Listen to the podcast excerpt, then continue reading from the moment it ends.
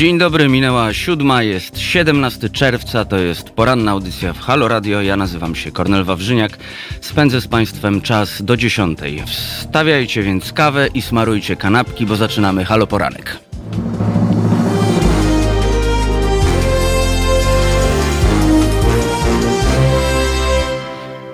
Informacje najważniejsze, czyli telefon do studia 22 39 059 22, mail teraz małpahalo.radio. Piszecie do nas już na Facebooku i na YouTubie pod naszymi streamami z audycji. Dzień dobry. Witam pana Bogusława Jogiewicza, witam Julka, który z tego co widzę bardzo wcześnie dzisiaj wstał, bo dzień dobry wisiało już jak przyszliśmy do studia. To już Julkowe dzień dobry wisiało. Wita nas też Przemek Ptasznik. Witam Państwa serdecznie. No i proszę Państwa, najważniejsza wiadomość, bo podałem już e-mail i numer telefonu. A uwaga, werble, nad realizacją audycji czuwa dzisiaj Kajetan Strzelczyk, piąteczka Kajtek. Witamy Państwa serdecznie. Ja przypominam Państwu, że jesteśmy medium obywatelskim i przypominam, że utrzymujemy się tylko i wyłącznie z datków naszych słuchaczy. Dzięki temu jesteśmy niezależni i możemy mówić Państwu i rozmawiać z Państwem na każdy temat e, bez tego takiego kagańca, jaki mogliby nam założyć politycy, a tym bardziej korporacje. Dlatego bez Was nie ma nas, a raczej nie ma nas po prostu, bo to jest wszystko nasza wspólna sprawa. E, no, Kajtek, masz pozdrowienia od pana Bogusława, od Julka też, hej Don Kajetano. E, przywitał się z nami Psalm 69 oraz moja ukochana jedna trzecia szatana, czyli Robsonak 222. Szanowni Państwo, plan na dziś. Najpierw kawa, nawijam ja. Państwo dzwonicie i piszecie. Zadzwońcie trochę do nas. Zadzwońcie trochę do nas dzisiaj. E, ważne, abyśmy dziś zdążyli z jakąś ciekawostką o Clint Eastwoodzie, bo tak w zeszłym tygodniu rzuciłem, że będzie Clint Eastwood, ale się nie wyrobiliśmy, drodzy Państwo. Ale dzisiaj już coś mam i w agendę jest Clint Eastwood wrzucony. Wyrywamy oczywiście kartkę z kalendarza, a o 7.45 e, połączymy się ze Zbigniewem Stefanikiem, naszym korespondentem we Francji, z którym dziś porozmawiamy o Andrzeju Dudzie. A co, taki mocny akcent na koniec pierwszej godziny naszego haloradiowego poranka. Z redaktorem Stefanikiem postanowiliśmy też, proszę Państwa, o, otworzyć w środowych porankach taki, powiedzmy, mm, cykl, który będziemy na pewno kontynuowali do, do wyborów, e, ponieważ pan Zbigniew, e, no nie tylko oczywiście fantastycznie komentuje to, co się dzieje e, w polityce na świecie, szczególnie we Francji, gdzie jest naszym korespondentem, ale też bardzo dobrze orientuje się oczywiście specjalistą, jeśli chodzi o politykę mm, w ogóle. Dlatego stwierdziłem, że będziemy sobie zamiast porannego espresso, tak stwierdziliśmy wspólnie, będziemy serwowali Państwu takie wieści z frontu można powiedzieć, z frontu wyborczego. No i dzisiaj na pierwszy ogień podwójne espresso, czyli Andrzej Duda. Zobaczymy, co nasz e, korespondent, pan Zbigniew Stefanik, będzie miał nam do powiedzenia, a ma do powiedzenia kilka fajnych rzeczy. Oczywiście nie mogłem się powstrzymać a propos tego tematu, jak to ja. Przyniosłem kilka książek na różne tematy i jedną z nich oczywiście jest wydana przez naszych redakcyjnych kolegów, naszych przyjaciół z Arbitrora Duda i jego tajemnice, oczywiście autorstwa Tomasza Piątka oraz redaktora Marcina Celińskiego. Panów możecie usłyszeć, drodzy Państwo. E, e, Tomka możecie usłyszeć w poniedziałki 19.21, a Marcina 19.21 w niedzielę. I to są zawsze bardzo, bardzo ciekawe i ważne audycje. A Duda i jego tajemnice to jest oczywiście ważna książka. Nie będziemy o niej dzisiaj e, raczej z panem Zbigniewem rozmawiać, ale może coś napomkniemy. Pan Zbigniew też ma swoje pewne przemyślenia mm, i pewne komentarze. Ich posłuchamy już za 40 minut. Po ósmej zastanowimy się, jak mówić o prawach człowieka, jak budować aktywne społeczeństwo obywatelskie. E, rozmawiamy z panią Moniką Mazur-Rafał, Joanną Materą i Natalią Styrnol. E, panie są z Humanity in Action. E, a to Humanity in Action jest organizatorem trwającej właśnie 15 Akademii Praw Człowieka, która w tym roku odbywa się w całości online i chciałbym przypomnieć, że e, Halo Radio ma tę przyjemność, e, iż tą akademię, mm, jest tej akademii, mm, Kajtek, jak to się mówi? Patron, patron, patron medialny. A a propos patronów. Czy są Państwo już naszymi patronami? Czy zaglądali Państwo na nasz profil Patronite? Gdzie można nas wspierać. Jest to jedna z form e, wspierania waszego radia. E, a jeśli chodzi o Patronite'a, to jest to taka forma, gdzie po pewnym czasie od wspierania można też dostać od nas taki wyraz wdzięczności w postaci upominków, halo gadżetów, na które być może Państwo polujecie. Mm, no i można dostać taki gadżet, za współpracę z nami. Oczywiście wiemy, że nie o gadżety chodzi, ale fajnie tak od czasu do czasu coś dostać. A jest czerwiec, proszę Państwa, więc jak tak byście teraz na patro nas zaczęli wspierać, no to na grudzień na przykład kubek przyjdzie, bo to po pół roku można dostać suweniry. Jak to mówi moja rodzicielka, suweniry, suweniry, suweniry. Jest takie... Hmm, E, czytałem kiedyś Muzykofilia, książkę Oliwiera Saxa, znanego psychiatrę, na, na podstawie którego innej książki nakręcono przecież przegenialny film Przebudzenia. E, jeszcze Saks napisał taką książkę, proszę Państwa. Ależ mi po prostu tryby w głowie chodzą jeszcze ciężko. Jeszcze muszę je naoliwić kawą w przerwie. Nie, to ja wiem, że to nie jest kawa kajtek. Nie, nie, to, to jest czysta woda. To jest czysta woda oczywiście. Nalejemy sobie trochę, muszę się przepłukać.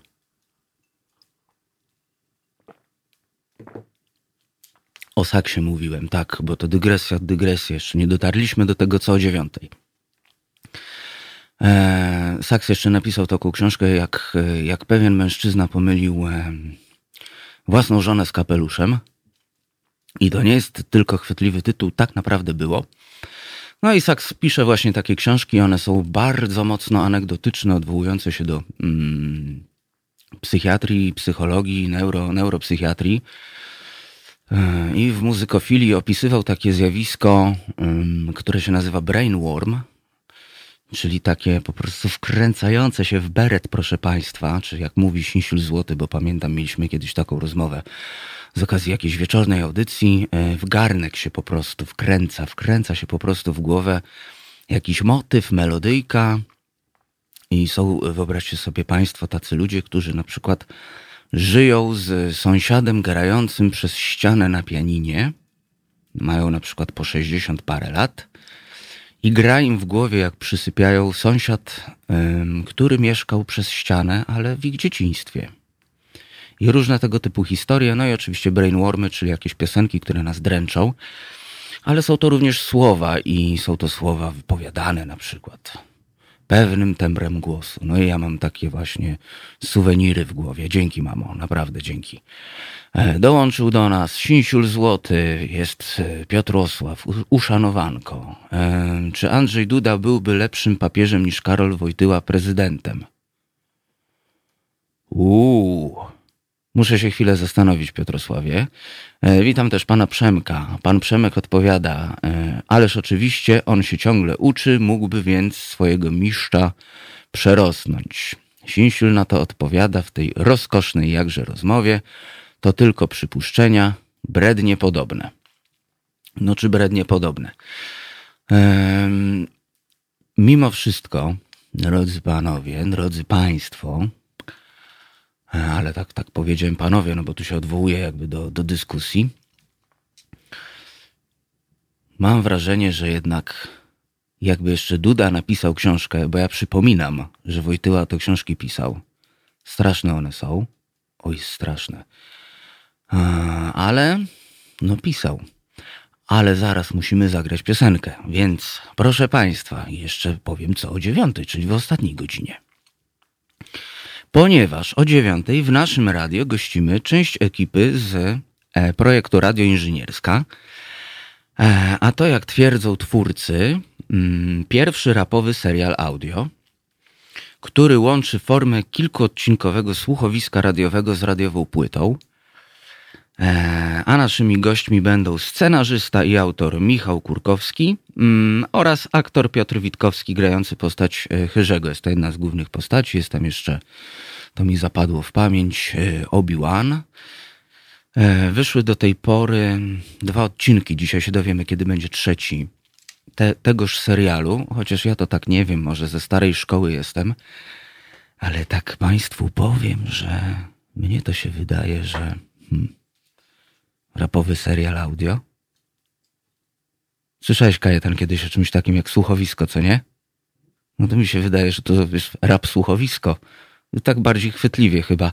To jeśli marketing nas już słucha, tutaj jakiś menago, mm, E, Chyrzego, czy też całej ekipy radioinżynierska, to, to taka podpowiedź, że, że macie taki synonim e, rap słuchowisko.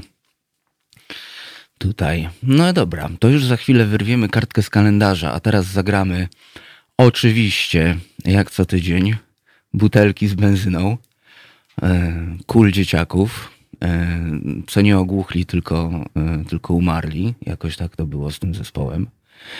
I przypominam, 22 39 059 22. Zadzwońcie, to pogadamy sobie, nie wiem, o, o tym, o maturze z filozofii. Wczoraj widziałem, rzucono mi rękawice. Coś spróbuję tutaj zakombinować, ale to musicie zadzwonić. E, I teraz małpahalo.radio, a na razie lecimy z butelkami, benzynami i kamieniami. Halo Radio. Gadamy i trochę gramy.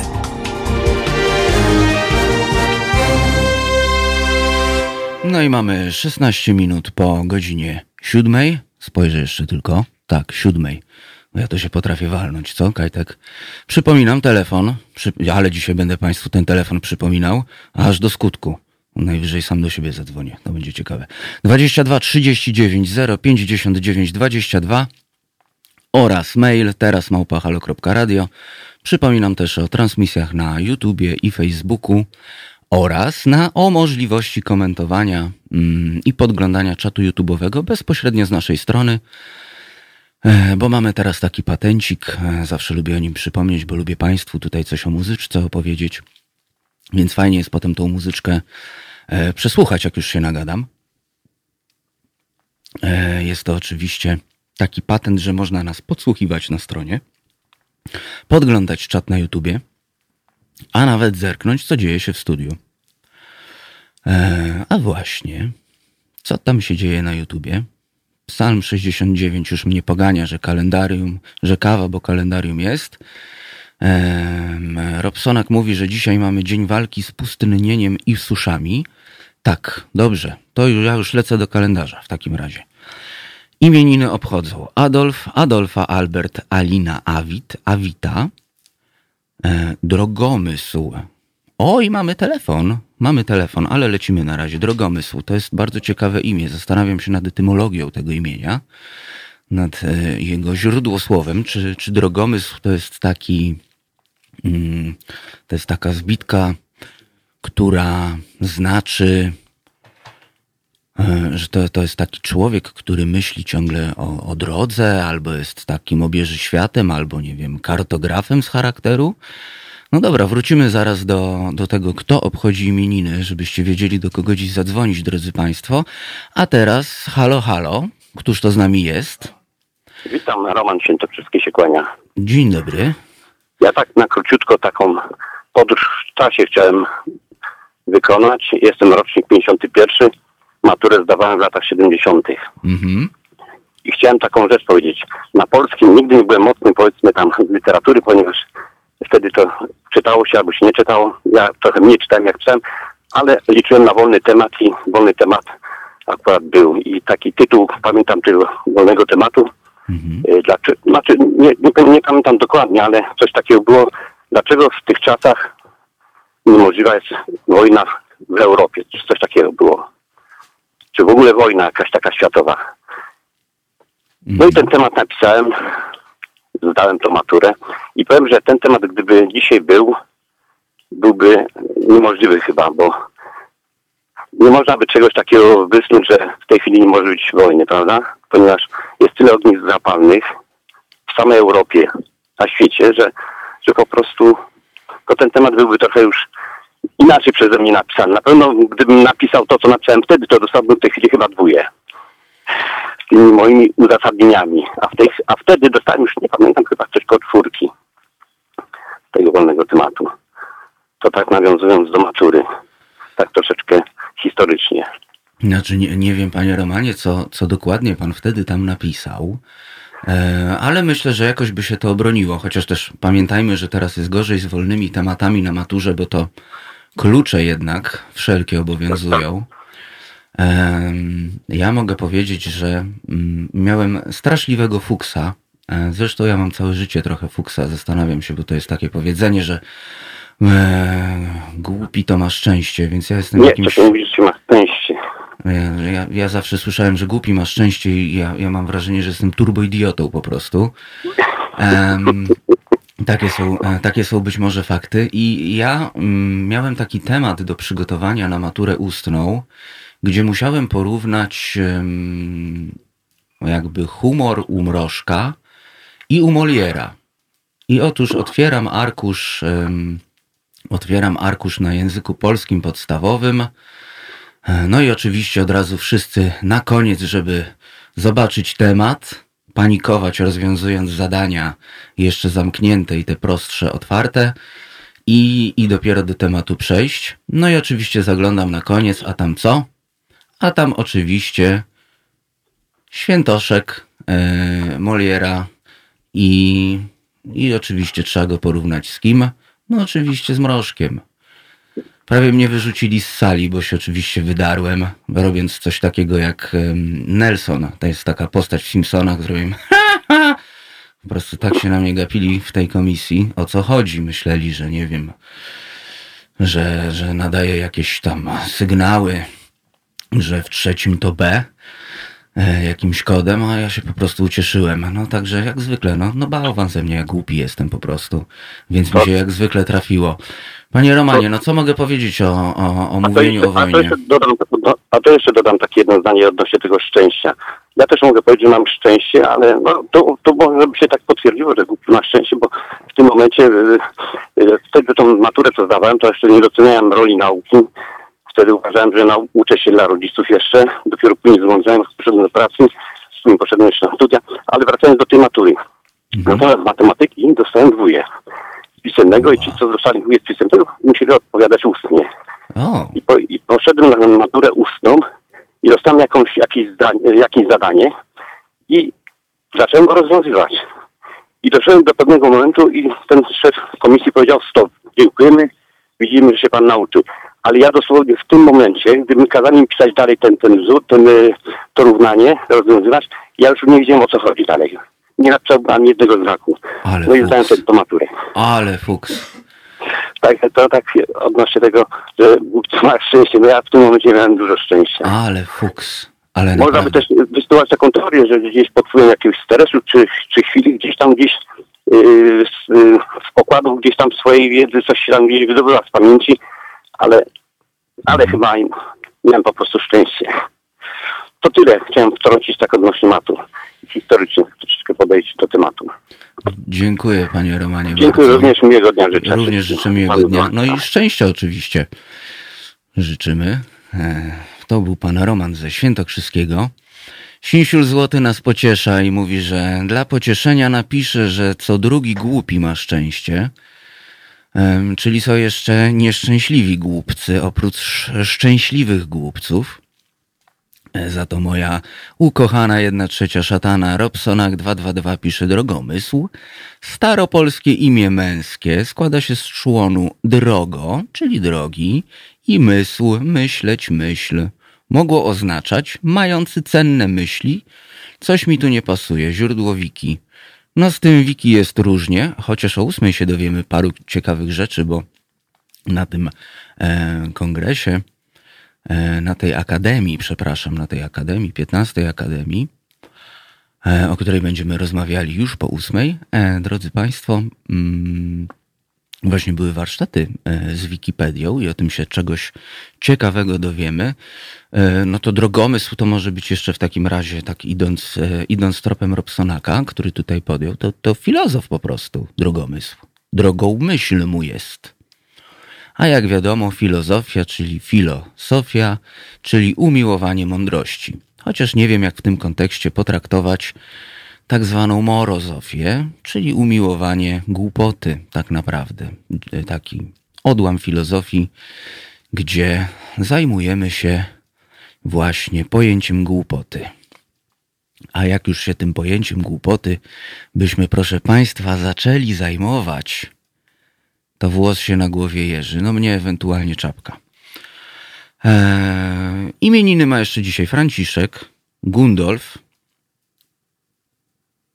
Herew, Her, Hipacy, Izaur, Izaura, Marcjan, Montan. No nie pomijaj. No nie pomijam, ale muszę sobie, wiesz, przenieść, bo mi się tu coś rozjechało i nie, co? Izaura, niewolnica Izaura, proszę Państwa, Marcjan, Montan, Nikander, mm, Nikandra, Piotr, Radomił i Waleriana, przepraszam, i Waleriana oraz Herweusz. Uff, Ja przepraszam wszystkich Herweuszy, ale mi się tutaj y, H zostało. W jednej linijce Herweusz się przeniósł i po prostu gdzieś na input lagu e, duże opóźnienie. Julek mówi, wszyscy marudzą, a każdy korzysta z wiki. PS, wiesz nad czym siedziałem przed siódmą. Aha, no ja wiem Julku, nad czym siedziałeś przed siódmą. Czekam w takim razie na tak zwany draft. Bo będziemy, proszę Państwa, oczywiście robić y, z Julkiem hasełko na wiki o Halo Radiu. Już niedługo, może w przyszłym tygodniu będzie premiera. E, Cośmy tam nawypisywali. Mm, Sinsiul mówi, że nie taki znowu straszny temat głupoty, powszechna i szerokie pole do badań. E, wita się z nami też Guitar Jam Session. Przywitał się z nami też Ryszard MM. No dobra. I mamy tak, proszę Państwa, na Islandii rocznica proklamacji Republiki, Republiki Islandii, zakładam. E, Polska, święto wojsk pancernych i zmechanizowanych, czyli Dzień Czołgisty. Ja na komisji wojskowej usłyszałem, że ha, i tu paradoks, jestem odrobinę za wysoki na czołg, Em, ale i tak bym się do wojska raczej nie pchał. Em, I Dzień Czołgisty jest na pamiątkę powrotu do Polski pierwszego pułku czołgów Armii Polskiej generała Józefa Hallera w 1919. Mamy też święto międzynarodowe, czyli właśnie Światowy Dzień Walki z Pustynnieniem i Suszą, ustanowiony przez ONZ e, 30 stycznia 1995 roku mm, w tak zwanej rezolucji 49 ukośnik 115 na dzień wybrano właśnie dzisiaj, czyli 17 czerwca. E, I celem tych e, obchodów jest zwrócenie uwagi na sposoby zapobiegania przez pustynnieniem i suszą. Zgromadzenie wezwało państwa, by wykorzystały ten czas do pogłębienia świadomości na temat potrzeby międzynarodowej współpracy w zakresie zwalczania zjawiska pustynnienia i skutków suszy oraz realizacji postanowień e, Konwencji Narodów Zjednoczonych w sprawie zwalczania pustynnienia w krajach poważnie dotkniętych suszą lub pustynnieniem, zwłaszcza w Afryce. I jeszcze mamy z takich wydarzeń e, 1920 powołano szkołę morską w Tczewie. W 2001, e, w 2001 roku zwycięstwem Janusza Dzięcioła zakończyła się pierwsza polska edycja telewizyjnego reality show Big Brother. Janusz Dzięcioł e, to taki e, fajny chłopak z Gruziądza, był strażnik miejski. No i wygrał wielkiego brata, który się okazał wcale nie taki wielki. Jak się potem okazało, coś, coś tam tego gościa parło, parło na szkło i się wreszcie wziął i pokazał któregoś razu. E, proszę Państwa, też w 1939 też e, wielkim sukcesem w Wersalu odbyła się ostatnia publiczna egzekucja mm, we Francji. Oczywiście użyto gilotyny. Na gilotynie został ścięty działający we Francji niemiecki seryjny morderca e, e, Eugene Weidmann. W 1970 roku e, też bardzo ważne wydarzenie, szczególnie dla wszystkich motomaniaków, ponieważ swoją premierę miał kultowy model suwa, takiego troszeczkę bardziej jeszcze Jeepa, ale rzeczywiście mie, już takiego, można powiedzieć, pasującego do kanonu suwa, czyli takiego samochodu e, użytkowego bardziej, bardziej do miasta. Pojawił się na rynku w 1970 roku e, Range Rover pierwszej generacji. E, jest to w tym momencie jakaś już kultowa bryka. Nie jest ona tak bardzo użytkowa jak pierwsze modele. E, jest to tak zwany segment klasy aut luksusowych, produkowany przez brytyjską markę Land Rover. Od 2012 roku produkowana jest czwarta generacja tego pojazdu, e, a któraś, któraś z tych generacji mm, to nawet, to nawet została zaprojektowana przez, zdaje się, jedną ze spajsetek, żonę Davida Beckhama. Jest jakiś taki model. Kajtek, ty pamiętasz? Nie pamiętasz takich rzeczy. To nie wiem, może w przerwie zadzwonimy do Gzyla. Może już nie śpi, to, to może by nam coś powiedział o Range Roverze. Najwyżej mnie potem zabije, że go obudziłem. E, w 1907 roku w Anglii otwarto Brooklands, pierwszy stały tor wyścigowy na świecie. I już spieszę z wyjaśnieniem, proszę Państwa, tor wyścigowy, tak zwany autodrom, e, to zamknięty obiekt, na którym odbywają się m.in. wyścigi samochodowe czy też wyścigi motocyklowe. Tor ma zazwyczaj kilka lub więcej niż kilka zakrętów, jest asfaltowy lub betonowy, a w jego pobliżu umieszczone są trybuny dla kibiców. No i jak się, proszę Państwa, ogląda Formułę 1, to raz na kilka minut siedzi się na takich trybunach i jest. I znowu siedzi się kilka minut, patrzy się na ten zakręt i znowu. No i tak się mniej więcej to ogląda. Um, Ale wszystkie wyścigi, wszystkie, ale wiesz, no najlepiej się ogląda. No, patrząc na to w ten sposób, najlepiej się powinno oglądać Neskara. Bo tam masz widok, cały czas ten autodrom jest okrągły. No i, no i co? No i widzisz, jak jeżdżą w kółko. Próbowałem to kiedyś oglądać, proszę Państwa, tego Neskara. No są emocje, jak się rozwalą rzeczywiście. E, I to są wypadki mrożące krew w żyłach. No i są emocje, że po prostu, żeby ten człowiek przeżył, bo ja nie jestem jakimś tutaj e, psychopatą, który czeka, aż tam ktoś zginie. Ale mam wrażenie, że z Neskara się w ogóle wzięło powiedzenie wal jak w dym. No bo co się robi, jak jest karambol?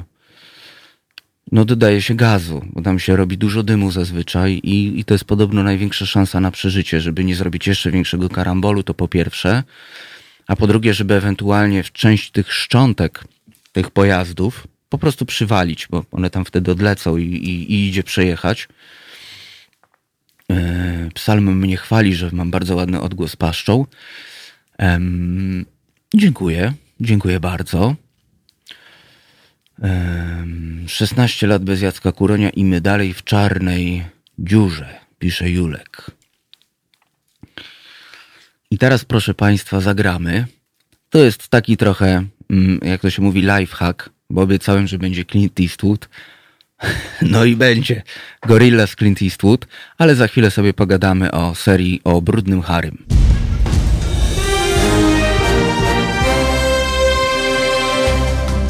Halo Radio. Pierwsze medium obywatelskie.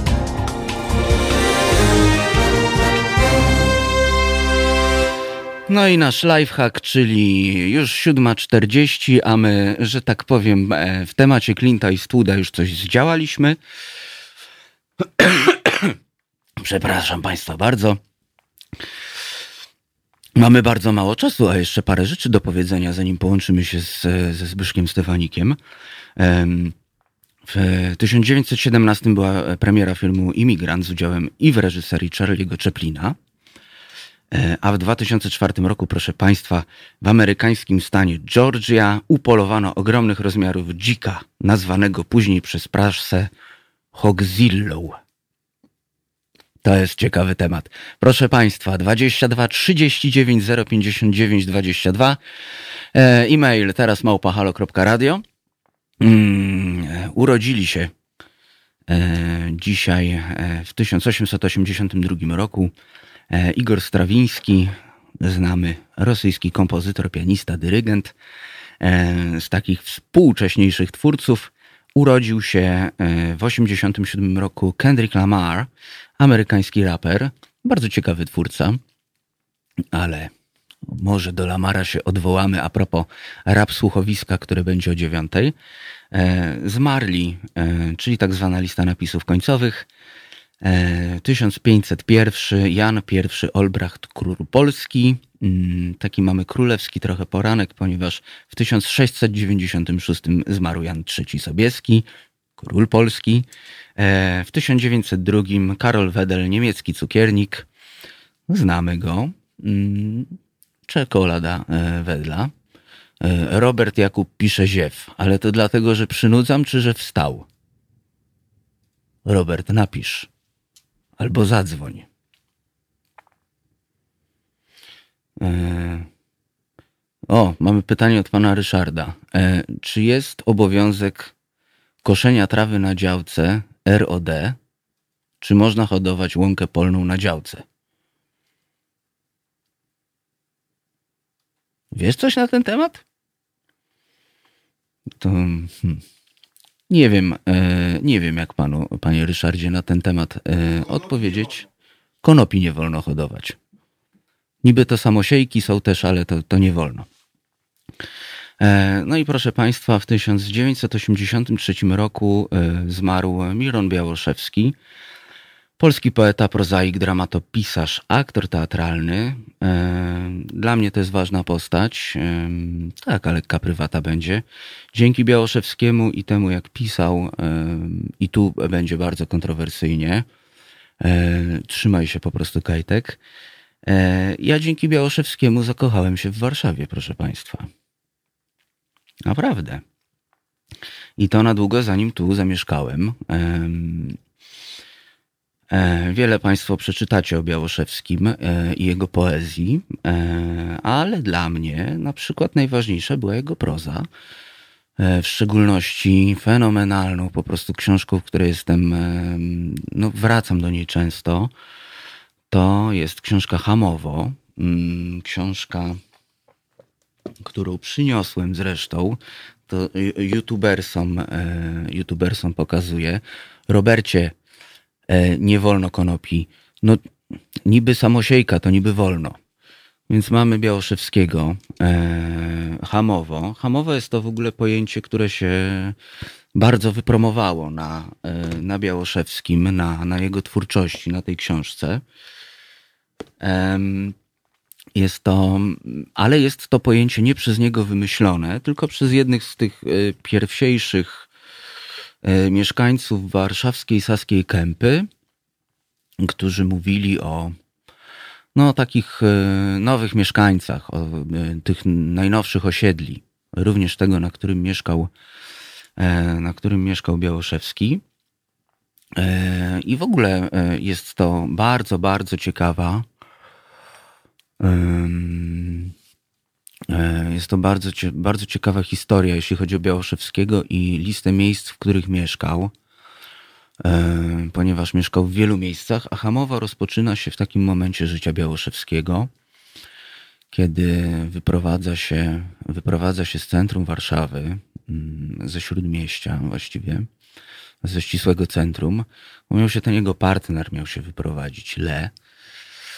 E, ale jakoś tak wyszło, że na Saską Kępę wyprowadził się, wyprowadził się Białoszewski i, i opowiada, opowiada w Hamowie.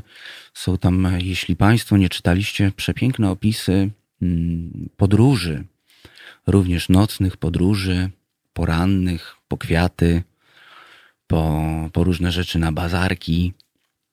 To jest, to jest pięknie opisany też klimat Warszawy tamtych lat, lat 80. No i cóż tu mogę jeszcze powiedzieć? Mamy telefon, pewnie dzwoni do nas pan Zbyszek Stefanik już.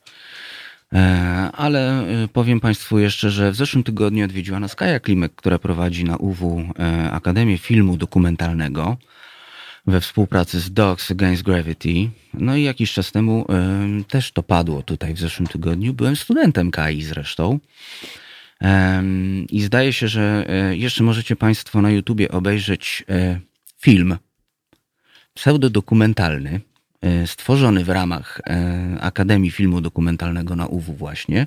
Jest to film, ale prywata po prostu dzisiaj. Jest to film, który ja nakręciłem, całe trzy minuty. Mm, e, takiego właśnie krót, krótkiego niby dokumentu o miejscach, gdzie pomieszkiwał Białoszewski. I myślę, że jak wejdziecie Państwo na profil Dogs Against Gravity, to gdzieś ten film odnajdziecie. Mm, są tam wszystkie miejsca, w których e, Białoszewski mieszkał. E, jak również takie ważne elementy, na przykład jak dworzec centralny, o którym e, Białoszewski pisał. Myślę, że do tematu Białoszewskiego postaram się wrócić jeszcze za tydzień. Może nawet z Kają. W tym tygodniu nie ma jej w Warszawie, więc więc nie odwiedziła nas, ale zobaczymy, zobaczymy. Tymczasem na, na łączach mamy już naszego francuskiego korespondenta, naszego francuskiego łącznika. Dzień dobry panie Zbigniewie, z nami jest Zbigniew Stefanik. Witam państwa. E, panie Zbigniewie, no zdzwaniamy się, aby porozmawiać o um, Andrzeju Dudzie dzisiaj. Dzisiaj. E, uprzedziłem już słuchaczy, że otwieramy taki cykl rozmów, które będą odbywały się co tydzień. Także mia miałem, miałem tę radość, tę przyjemność zapowiedzieć, że będziemy sobie tak rozmawiali. No i pytanie, pytanie pierwsze. Andrzej Duda, czyli kto właściwie? Radykał czy postać umiarkowana? No właśnie, e, jest to pytanie skomplikowane. Jeśli brać pod uwagę ostatnie wypowiedzi pana prezydenta, E, można pomyśleć, iż jest to e, postać silnie zaangażowana e, w debatę ideologiczną, jednakże jeśli z kolei wziąć pod uwagę jego wypowiedzi związane na przykład z tak zwanymi rocznicami smoleńskimi, tutaj ton tych wypowiedzi jest całkowicie inny. Tak więc faktycznie zdaje się, iż pan prezydent jest bardzo uzależniony od swojego obozu politycznego i tak naprawdę ten przekaz E, z którym mamy do czynienia, tak naprawdę jest przekazem e, bardziej obozu politycznego, niżeli jego samego. E, proszę zauważyć, z jednej strony list prezesa Jarosława Kaczyńskiego do działaczy PiSu, który mówi o zagrożeniu, zagrożeniem tak naprawdę kryzysu o charakterze moralnym, społecznym, politycznym, w przypadku gdzie wybory przegrał Andrzej Duda, a następnie wypowiedzi pana prezydenta, no właśnie o, o LGBT, e, o, o ludziach i ideologii, prawda, już tak nie cytując tego dosłownie. Tak więc faktycznie zdaje się, że Andrzej Duda jest, e, no, jest postacią bardzo związaną ze swoim ugrupowaniem, ponieważ taka jest koncepcja um, tego ugrupowania i właśnie tego zdaje się oczekują jego wyborcy. E, I tutaj właśnie bardzo nieskuteczna e, jest oskarżenie o to, iż prezydent jest osobą zależną od ugrupowania politycznego, z którego się wywodzi, e, ponieważ, no właśnie, taka jest formuła rządzenia, tego zdaje się oczekują wyborcy i środowisko, które składa się na ten obóz, że prezydent nie jest jakimś niezależnym bytem, ale właśnie jest on elementem tak zwanej dobrej zmiany, E, I tego się właśnie od niego oczekuje. Tak więc tutaj, jak już wspomniałem, oskarżenia o to, że jest e, osobą zależną, nie są skuteczne mhm. E, i warto mieć to na uwadze. Jednakże faktycznie no, pewna geneza prezydenta Andrzeja Dudy, która no, być może tłumaczy w pewnym sensie jego skomplikowane stosunki z jego obozem politycznym, ponieważ E, No teraz afiszuje się e, taką e, harmonię, zgodę, mówi oczywiście prezydent Andrzej Duda, no właściwie jest ojcem tak naprawdę, stwórcą, ojcem, e, inicjatorem wszystkiego w Polsce, tak naprawdę wszystkich zmian, które miały miejsce od e, pięciu lat. Jednakże pamiętajmy, em, jak doszło do jego, em, do jego wyboru. Otóż e, tak naprawdę e, No właśnie, bo są takie, kandydatury... mm, są takie e, opinie, że wygrana Dudy jest raczej troszeczkę bardziej spowodowana e, tym, że po prostu sztab Komorowskiego skopał sprawę. Że, że kampania była źle poprowadzona przez PO. Że pan by się z tym zgodził. Em, nie tylko. Znaczy z pewnością... em, Czyli jest to jedna składowa raczej. Ale, ale, ale nie tylko. Znaczy z jednej strony Andrzej Duda był politykiem nikomu nieznanym. E, wówczas w tamtej sytuacji, znaczy w, tam- w tamtym kontekście, pięć lat temu.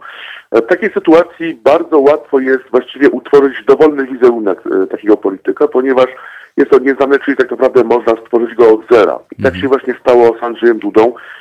E, Ja przypominam sobie em, moment, kiedy ogłoszono jego kandydat- kandydaturę w, em, przez PiS. Zrobił to prezydent Kaczyński, to było w grudniu em, 2015 roku. E, W jednej e, z demonstracji e, w, ta, e, w sprawie tak zwanej obrony wolnych mediów. I wówczas nawet w PiSie nie wiedziano do końca, m, kto to jest Andrzej Duda. On co prawda był rzecznikiem PiSu, po no, kłopotach Adama Hoffmana, to było w listopadzie e, 2015 roku, jednakże faktycznie na szerszą skalę nikt nie znał Andrzeja Dudy.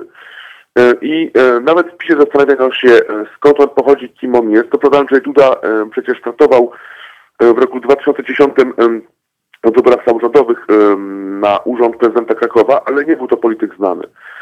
I tak naprawdę plan prezydentury Dudy nie był tak naprawdę planem, który miał się ziścić. Znaczy, generalnie chodziło o to, aby Andrzej Duda zrobił dobry wynik przed wyborami parlamentarnymi, no właśnie, który miał być bazą wyjściową do wyborów parlamentarnych. I e, wtedy e, panowało takie przekonanie, że właściwie Bronisław Komorowski jest nie do pokonania, no, ale chodziło o to, aby zapewnić właśnie PiSowi no, przynajmniej drugą turę wyborów prezydenckich. No i okazało się, że stało się inaczej. E, Również za sprawą dobrej kampanii Andrzeja Dudy, e, wówczas kampania była bardzo dynamiczna, e, świetnie skonstruowana i właściwie mm, z jednej strony właściwie postać prezydenta Kowalskiego, czyli prezydenta mm, zmęczonego, e, ośmieszonego w internecie, mm, który faktycznie sam miał wiele takich wpadek wizerunkowych, na przykład ta najbardziej sławna, która dalej pamiętana o dziwo, to e, wpadka z Szogunem, tak, choć mój Szogunie, to, to pamiętacie Państwo e, tamte wydarzenia. E, A z strony właśnie Andrzej Duda, czyli dynamiczna postać, młody prezydent, który tam e, mówi, że mu się chce. To działało na wyobraźnię. I tak naprawdę z, z trzeciej strony, o czym zapominamy dzisiaj, Paweł Kukiz. Paweł Kukiz, który e, mobilizował skutecznie elektorat, aż w końcu udało mu się zdobyć 20% e, i e, usytuować się na numerze na pozycji trzeciej właściwie w tych wyborach. I to właśnie wyborcy Kukiza wtedy, no właśnie, zdecydowali o tym, że Andrzej Duda stał się prezydentem. Jednakże warto mieć na uwadze, iż to nie było planowane i właściwie prezydent no, stał się takim prezydentem w sposób właściwie wy, wy, wykreowany przez wydarzenia, przez matematykę, przez wydarzenia. E, To jest istotny element, ponieważ e, do takiej ludzi się przygotowuje tak naprawdę miesiącami, czasami latami. a On miał właściwie dwa tygodnie na to, aby przygotować się do roli prezydenta, ponieważ po pierwsze tury zdał sobie sprawę on, jego środowisko, że on te wybory wygra tak naprawdę. I jak już wspomniałem, miał dwa tygodnie do tego, aby e, się oswoić z tą myślą. E, Panie Zbigniewie, e, przepraszam, że tak wchodzę w słowo, ale mm, uleci mi po prostu to pytanie. E, A myślę, że warto się do tego odnieść i chciałbym poznać Pana zdanie w tym temacie. Czy od, odnosząc się jakby analogicznie do, do tej sytuacji z Kukizem sprzed pięciu lat, czy uważa Pan, że jeśli dojdzie do drugiej tury między Trzaskowskim a, a Dudą, to będzie podobnie z wyborcami powiedzmy Bosaka? Chyba głównie mi o Bosaka chodzi. Być może PSL. Czy oni wtedy zasilą? y, Pewnie istnieje duże ryzyko, że oni po prostu zasilą wtedy e, Dudę, o ile się nie obrażą i w ogóle nie pójdą. Ja bym wolał, żeby się obrazili i nie poszli, no ale może, może wezmą i pójdą. Czy, czy, czy, to jest, czy to jest w tym momencie ten elektorat bosakowy? Czy to jest właśnie elektorat, który, który może w drugiej turze wesprzeć e, Andrzeja Dudę? Nie. E, to znaczy, przede wszystkim spójrzmy e, na liczby. Wówczas Kukiz zdobył 20%. No tutaj nic nie wskazuje na to, aby Krzysztof Bosak zdobył 20%. Tak więc tutaj być może to będzie on jedną czwartą tego kapitału wyborczego, jednak trudno, aby liczył on na wynik dwucyfrowy. Kolejna kwestia to kwestia dużego zawodu, e, który e, sprawił Andrzej Duda e, Mhm. wielu działaczom prawicowym. Warto bowiem mieć na uwadze, że PiS to nie cała prawica. I ta prawica, ona składa się właśnie z różnych środowisk, z różnych ugrupowań, mniejszych, większych, ale oni poczuli się zawiedzeni przez prezydenta i obecnie rządzących Polską. Z jednej strony polityka historyczna, która faktycznie sprawiła duży zawód po prawej stronie sceny politycznej, E, Osobiście wręcz podejrzewam, już wrócimy do tych tematów, ponieważ e, e, w najbliższych dniach z pewnością e, będzie głosowana ustawa, e, która znosi e, przedawnienie zbrodni komunistycznych. E, Przypominam, że te zbrodnie e, mogą wszystkie przedawnić w sierpniu tego roku. E, Z tego co wiem, to jest planowana właśnie taka ustawa, która e, zniesie to przedawnienie.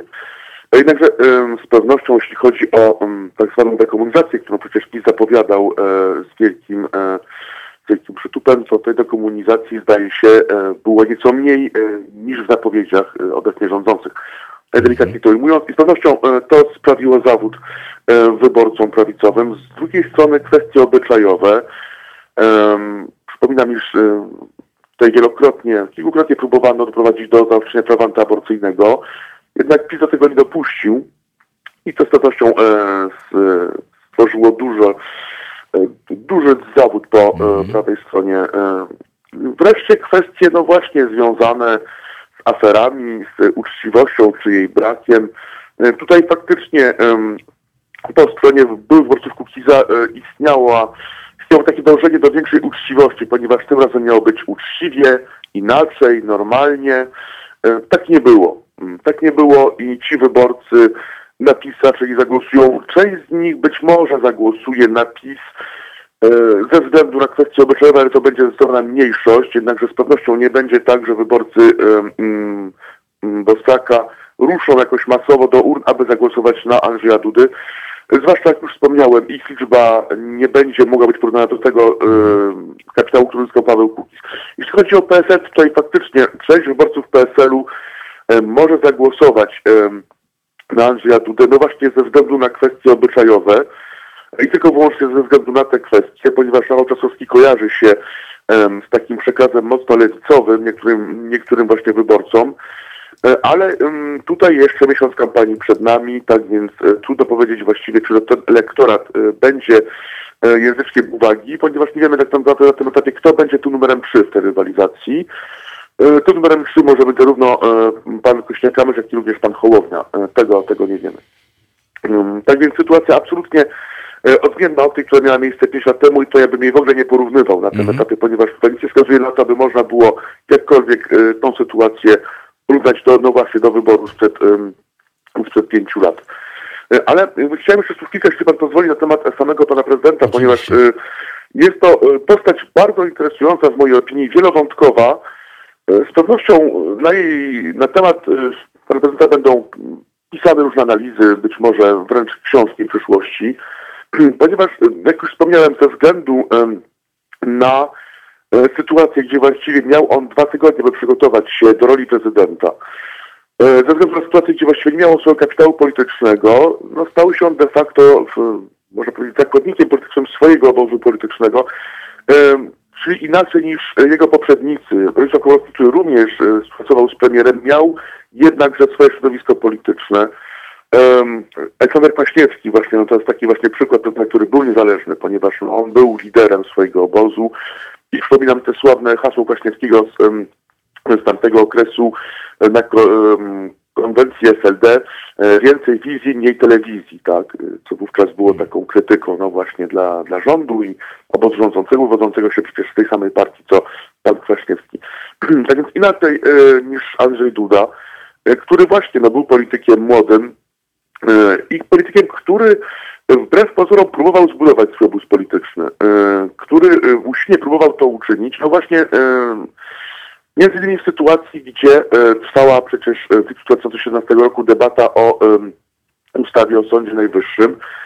Wówczas on zapowiedział weto e, i zdaje się, iż właśnie zrobił to we współpracy ze środowiskiem właśnie Pawła Kukiza.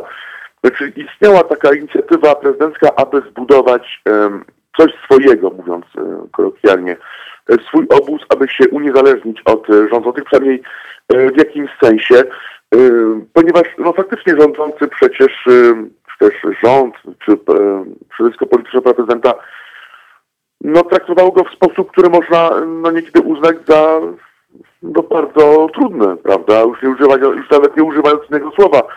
Ja wspomnę tylko o sytuacji, gdzie ogłaszano datę wyborów parlamentarnych ym, z października ubiegłego roku. Tę datę ogłosił pan premier Morawiecki, prawda? Zawsze taką ogłasza pan prezydent.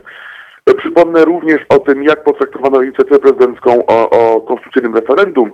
Już nawet e, nie wchodzę w szczegóły, jeśli chodzi o tę inicjatywę, tylko po prostu chodzi mi o styl, w jaki sposób e, rząd, e, ówczesny Senat z ówczesną większością Sejm powiedział wprost, iż właściwie ta inicjatywa nie znajdzie większości w Sejmie ani w Senacie i że tutaj prezydent powinien jakby z niej zrezygnować. Jak również inicjatywy zagraniczne Andrzeja Dudę, w tym inicjatywy tak zwanego Trójmorza, czyli właśnie współpracy z tak zwaną e, wschodnią flanką NATO. E, Tutaj również, o ile zdaje się, już na początku e, był pewien entuzjazm z tą inicjatywą, to następnie ona już nie spotykała się z jakimś większym wsparciem rządzących. Również kolejne jak to właśnie kwestia wyboru komisarza europejskiego. Wówczas wiadomo, już w Polsce była taka istotna reguła, że to właśnie prezydent mianuje tego kandydata, on właśnie jest tym głównym wyznacznikiem kandydata. Okazało się, że tym razem stało się inaczej i to właśnie rząd, a bardziej środowisko polityczne e, narzuciło panu prezydentowi e, tegoż kandydata, tegoż właściwie komisarza, który zresztą miał duże przecież problemy e, z dominacją w Europarlamencie, jak e, wszyscy pamiętamy em, rok temu. Wreszcie inicjatywy e, zagraniczne, zakupy e, uzbrojenia, gdzie właściwie e, pan premier tutaj wyręczał pana prezydenta i właściwie informował o tym, co Polska zamierza kupować.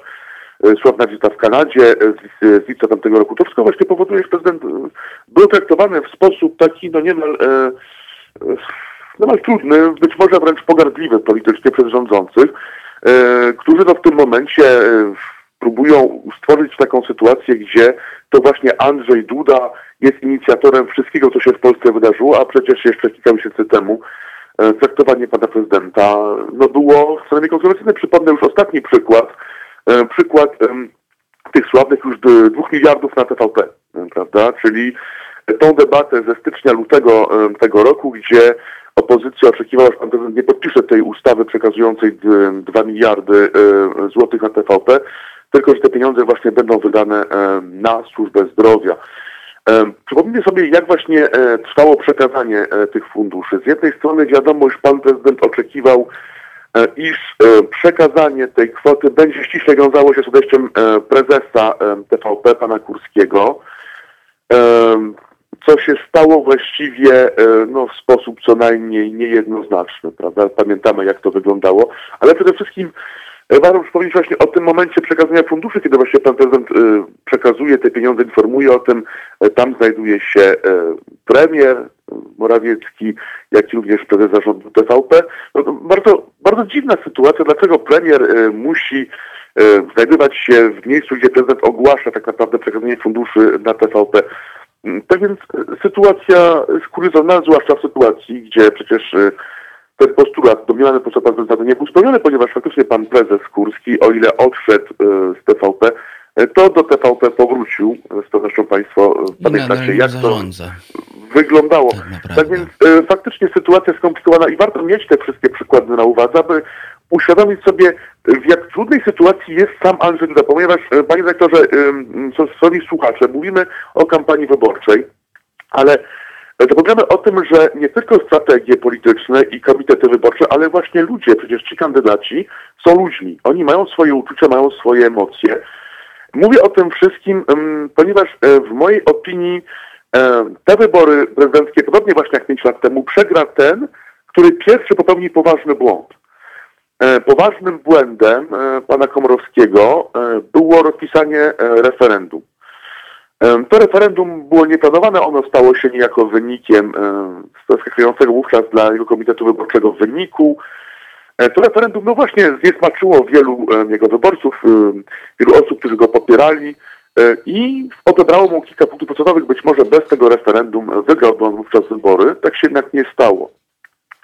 I chciałbym spojrzeć, jeśli Państwo pozwolicie, na sytuację e, dwóch e, kandydatów, czy, czy dwóch głównych konkurentów, ponieważ e, na razie sondaże wskazują na to, iż w drugiej turze spotkają się urzędujący prezydent Andrzej Duda i prezydent Warszawy Rafał Trzaskowski. Otóż Rafał Trzaskowski właściwie z punktu widzenia osobistego ma mało do stracenia, ponieważ nawet jeśli przegra te wybory prezydenckie, to przecież wróci on na stanowisko prezydenta miasta stołecznego. No przecież jego kadencja jeszcze będzie trwała 3 lata, jak się nie mylę, po zmianie ustawy dotyczącej e, no właśnie e, mandatu samorządowców. Tak więc sytuacja z pewnością, e, którą trudno nazwać sytuacją skomplikowaną, a przecież nikt mu nie broni próbować wziąć udział w tych wyborach za 5 lat. Andrzej Duda może być w całkowicie innej sytuacji, ponieważ już mówiliśmy o tym, iż w swoim obozie politycznym nie pełni on roli wiodącej, delikatnie to ujmując. Tak więc po klęsce wyborczej z pewnością stanie on się e, problemem e, swojego obozu i stanie się już zwyczajnie wszędzie on zwyczajnego passe. Obóz polityczny swojego się w stanie o nim zapomni i Andrzej Duda stanie się po prostu byłym prezydentem w stuprocentowym określeniu tegoż sformułowania. Ale e, przecież kwestie prawne. e, Andrzej Duda, e, zdaniem wielu ekspertów, dopuścił się złamania prawa. Tak więc tutaj może znaleźć się w sytuacji, gdzie faktycznie będzie musiał stawiać czoła zarzutom związanym z działaniami, których przecież, no właśnie, nie był autorem, nie był ojcem, nie był inicjatorem, tylko właściwie był ich notariuszem. I wszyscy mamy przecież tego świadomość, że to nie on tak naprawdę jest autorem reformy o sądownictwie, tylko właściwie stał się jej notariuszem. Być może właśnie, bo nie miał do końca wyboru, być może, bo musiał, po prostu był do tego w jakiś sposób przyprzedł obóz polityczny. No i paradoksalnie będzie miał kłopot przez Ale jeśli pan pozwoli, jeszcze bym y, chciał właśnie zadania, ale czyli to wreszcie, no właśnie y, polityk, który może mieć duży kłopot ym, ze znalezieniem pracy, ponieważ no reputacja PiSu za granicą nie jest najlepsza. Tak więc może mieć duży właśnie kłopot y, z, z reintegracją się w świecie zawodowym, jeśli miałby te wybory przegrać. Tak więc tutaj Andrzej y, z pewnością jest pod dużą presją, ponieważ y, no, stawka dla niego jest bardzo wysoka. Jest ona właściwie stawką o być albo nie być to powoduje, że właściwie są pod, pod potężną presją. Z jednej strony presja jego ugrupowania, które wymaga od niego, z pewnością wymaga zwycięstwa, z drugiej strony właściwie presja życia, czyli e, ta świadomość e, sytuacji, w której się znajduje, co być może już powoduje, iż właściwie traci on em, czasami panowanie, czy też emocje biorą górę. Na przykład e, w tym przemówieniu dotyczącego Donalda Tuska e, z z zeszłego weekendu o kłamstwach, prawda, które miało być taką wyp- m, odpowiedzią na e, na to, co pan były premier przewodniczący Europejskiej, obecnie szef IPP napisał na pana prezydenta o wstydzie. Tak więc tutaj warto właśnie brać pod uwagę, ponieważ pamiętajmy, kampania kampanią, komitety komitetami, ale w tych wyborach e, biorą e, udział kandydaci, oni są ludźmi, mają swoje emocje i te emocje bardzo często decydują o właśnie przegranej czy wygranej w e, wyborach. Dziękuję panie Zbigniewie za ten głos. E, dziękuję, Dziękuję za bardzo. łączność. No i do usłyszenia za tydzień oczywiście. Państwo się na pewno z panem redaktorem usłyszycie jutro u Jacka Zimnika. No właśnie, kto pierwszy okaże się człowiekiem, ten przegra. A podobno, ma, a podobno kandydaci mają grać na ludzkich emocjach, co, Kajtek? E, Julek napisał, wszyscy już ten błąd popełnili, bo uczestniczą w niekonstytucyjnych wyborach. Mówił o tym wczoraj RPO Adam Bodnar. No to zostawiam Państwa z taką myślą i idę po nasze gościnie, a raczej dwie podłączymy, a, a, a po trzecią pójdę, ponieważ już czeka. Przypominam, e, telefon do nas 22 39 059 22 oraz mail teraz małpahalo.radio. Mm, Piszcie w sprawach wszelkich. E, Jest mi też e, przykro powiedzieć, ale niestety, panie Ryszardzie, bo pan Ryszard pisze na e, naszej tutaj e, YouTube, pod naszą YouTube'ową audycją, Nie znam, nie znam tematu, jeśli chodzi o regulaminy działkowców, więc nie jestem panu pomóc, y, nie jestem w stanie w tym momencie z marszu pomóc panu a propos koszenia trawy e, i obowiązujących standardów na działkach e, legislacyjnych z tym związanych. No ale coś pomyślimy. Widzę, że już tutaj Julek do pana napisał. Na pewno od, od, odpowiednio panu pomoże, a jak nie, to proszę pisać na teraz małpa halo.radio. Może, może uda nam się kogoś zapytać, e, kto się na tym zna. Tymczasem gramy. Co zagramy? Stonsów. A, I can't get no satisfaction. Szkoda, żeśmy tak przeciągnęli, bo to jest w ogóle, słuchaj, taki numer. E, W tym numerze pierwszy raz użyto fuza. Efektu, y, który nie był w ogóle do gitary na początku, tylko miał być takim e, właściwie syntezatorem udającym e, instrumenty dęte. No ale Keith Richards go podłączył do gitary, no i reszta to już historia. Włącznie z płytami Hendrixa w latach późniejszych. Szanowni Państwo, 8.11, gramy teraz Stonesów I Can't Get No Satisfaction i wracam do Państwa już za chwilę z gościniami.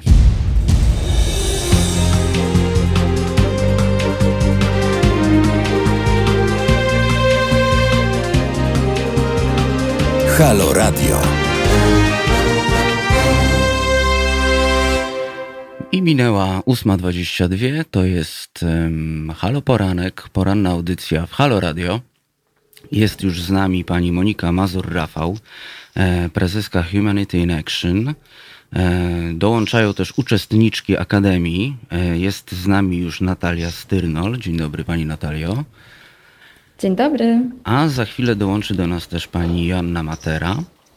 No i spotkaliśmy się tutaj dzisiaj, aby porozmawiać o 15, 15 Akademii em, Praw Człowieka. Tak, witam Państwa e, serdecznie. E, To mój debiut na antenie Halo Radio, także bardzo się cieszę, że możemy o tym porozmawiać. A nasza akademia e, ma szczególny charakter, bo po raz pierwszy e, została zrealizowana tylko i wyłącznie online. Właśnie, to pierwsze takie, pierwsze takie wydarzenie, które jest online i trwa trzy tygodnie.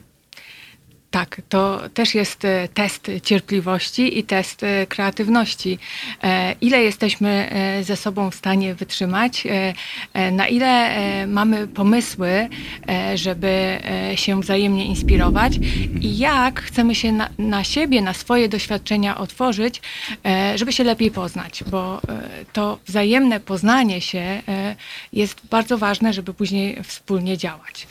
Tematyką Akademii e, są prawa człowieka. Polska stanowi studium przypadku i takim głównym dla nas pytaniem jest, e, jak polskie państwo i społeczeństwo radziły sobie w przeszłości bądź e, nie radziły, ale też współcześnie, jak wyglądają wyzwania w dziedzinie praw człowieka, wielokulturowości i dy- dyskryminacji. To skupiamy się przede wszystkim na przeciwdziałaniu mowie nienawiści i dyskryminacji.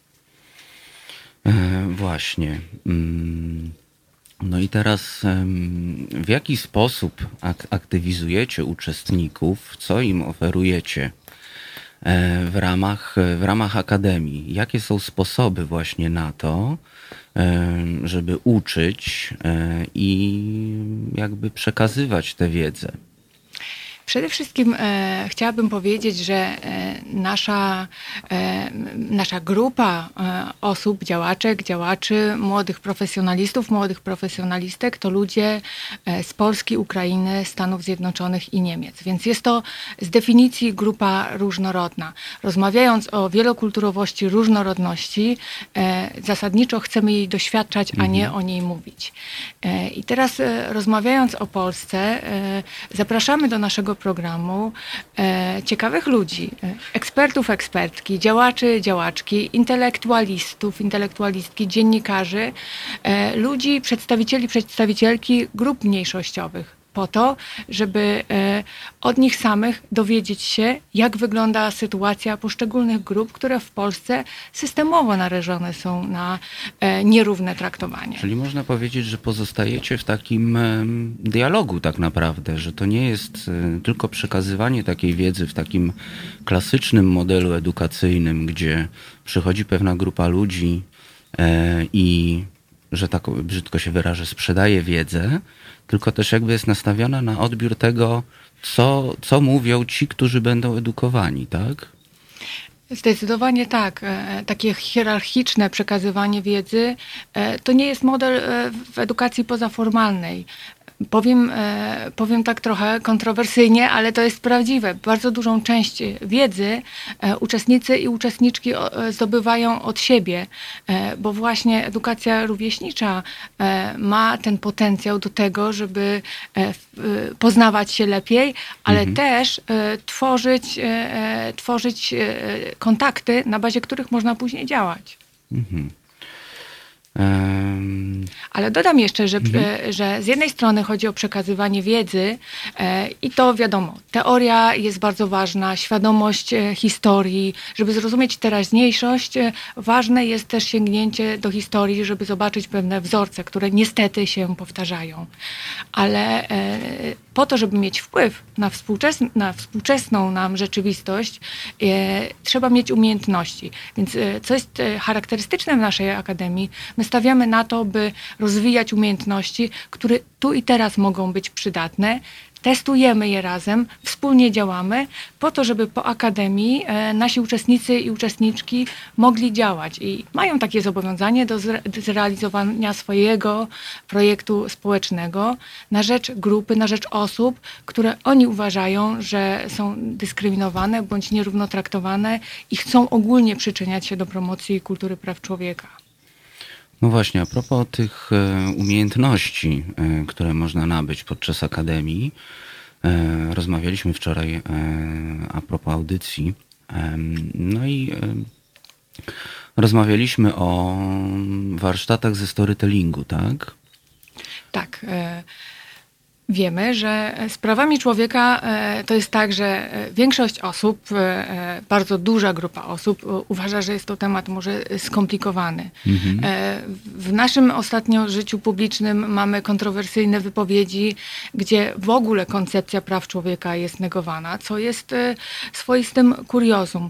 Ale najczęściej przekonujemy się o wadze praw człowieka wtedy, kiedy one są w jakiś sposób naruszone i to jest coś, co nas bezpośrednio dotyka, czy osobiście, czy w gronie najbliższych przyjaciół, czy rodziny. I wtedy właśnie e, budzi się jakaś niezgoda. I takie e, ważne pytanie, jak o tym opowiadamy e, ludziom dookoła nas, żebyśmy w stanie byli ich zainteresować, ale też i zainspirować do tego, żeby oni się włączyli w jakieś kwestie. No i jest to trudno niestety opowiadać, bo używamy języka albo branżowego, albo nietrafiającego do ludzi i właśnie ten storytelling, czyli opowiadanie historii, pokazywanie konkretnego człowieka, który doświadczył konkretnej niesprawiedliwości, którego e, prawa zostały w tej czy innej sprawie złamane, e, pomaga ludziom zrozumieć, że konkretny człowiek to nie jest ideologia, że to jest człowiek i to jest jego historia i przez to jego życie toczy się inaczej, a nie powinno tak być, bo w sumie jesteśmy e, w państwie demokratycznym i e, z definicji, na podstawie naszej konstytucji, powinniśmy e, mieć te same prawa i w teorii, i w praktyce. No właśnie. Mm, czyli po pierwsze opowiadanie. Opowiadanie w taki sposób e, zaangażowany, ale też opowiadanie w sposób e, zrozumiały też dla innych jakby. Zastanawiam się nad, nad takim pro, problemem a propos tego storytellingu, o którym też pewnie e, myślałyście panie. Czyli tego, jak jednak mówić w taki sposób, żeby docierało do tych nieprzekonanych, bo jedna rzecz to jest właśnie odnaleźć w sobie tą pewną złość, to ograniczenie wolności, z, z którym się stykamy, ale z drugiej strony też e, no jest pewien taki aparat pojęciowy, który, który nie do wszystkich dociera. E, są po prostu osoby w społeczeństwie, które mówią, co tam prawa, e, co tam, co tam prawa mniejszości, to oczywiście zwykle są e, biali faceci w średnim wieku, bo ich po prostu większość rzeczy nie, nie, nie, nie, nie dotyka. Taka, taka, taka jest prawda, takie są badania. I zastanawiam się właśnie nad tą techniką, nad poszukiwaniem tego sposobu na uwrażliwianie tych niewrażliwych. To jest szalenie trudne. To nie ma na to e, jednej wspaniałej recepty. Mierzą się z tym i media, i organizacje pozarządowe. E, ale tak sobie myślę, że e, taki przeciętny pan w średnim wieku, mhm który teoretycznie e, e, prawa człowieka, mm, którego prawa człowieka nie interesują, też być może ma dzieci, prawda? Więc e, być może jego dzieci, chodząc do szkoły, doświadczają różnych trudnych sytuacji, mhm. bo na przykład inaczej wyglądają, albo nie mają tego, co reszta grupy ma i są i te dzieci są szykanowane ze względu na status materialny, e, wygląd. Jest wiele rzeczy, e, które w grupach rówieśniczych decydują, że dana osoba jest odrzucana. I jak dobrze wiemy z mediów, młodzi ludzie szalenie przeżywają te sytuacje między rówieśnikami. Jeśli sprawa jeszcze ma swój oddźwięk w sieci, a przeważnie ma, to takie dziecko czuje się napiętnowane i sobie nie potrafi samo najczęściej mhm. poradzić. I często rodzice też o tym nie wiedzą. I mając taką sytuację w domu, jest to taki e, trochę kod dostępu e, do takiego człowieka, który nie musiał e, nigdy e, dyskutować o prawach człowieka w teorii, ale te prawa człowieka mogą go dotykać. Może też mieć e, rodziców e, w podeszłym wieku, którzy na przykład korzystając z jakichś ośrodków opieki doświadczają e, naruszenia e, ich praw. I wtedy ten problem staje się bardzo konkretny.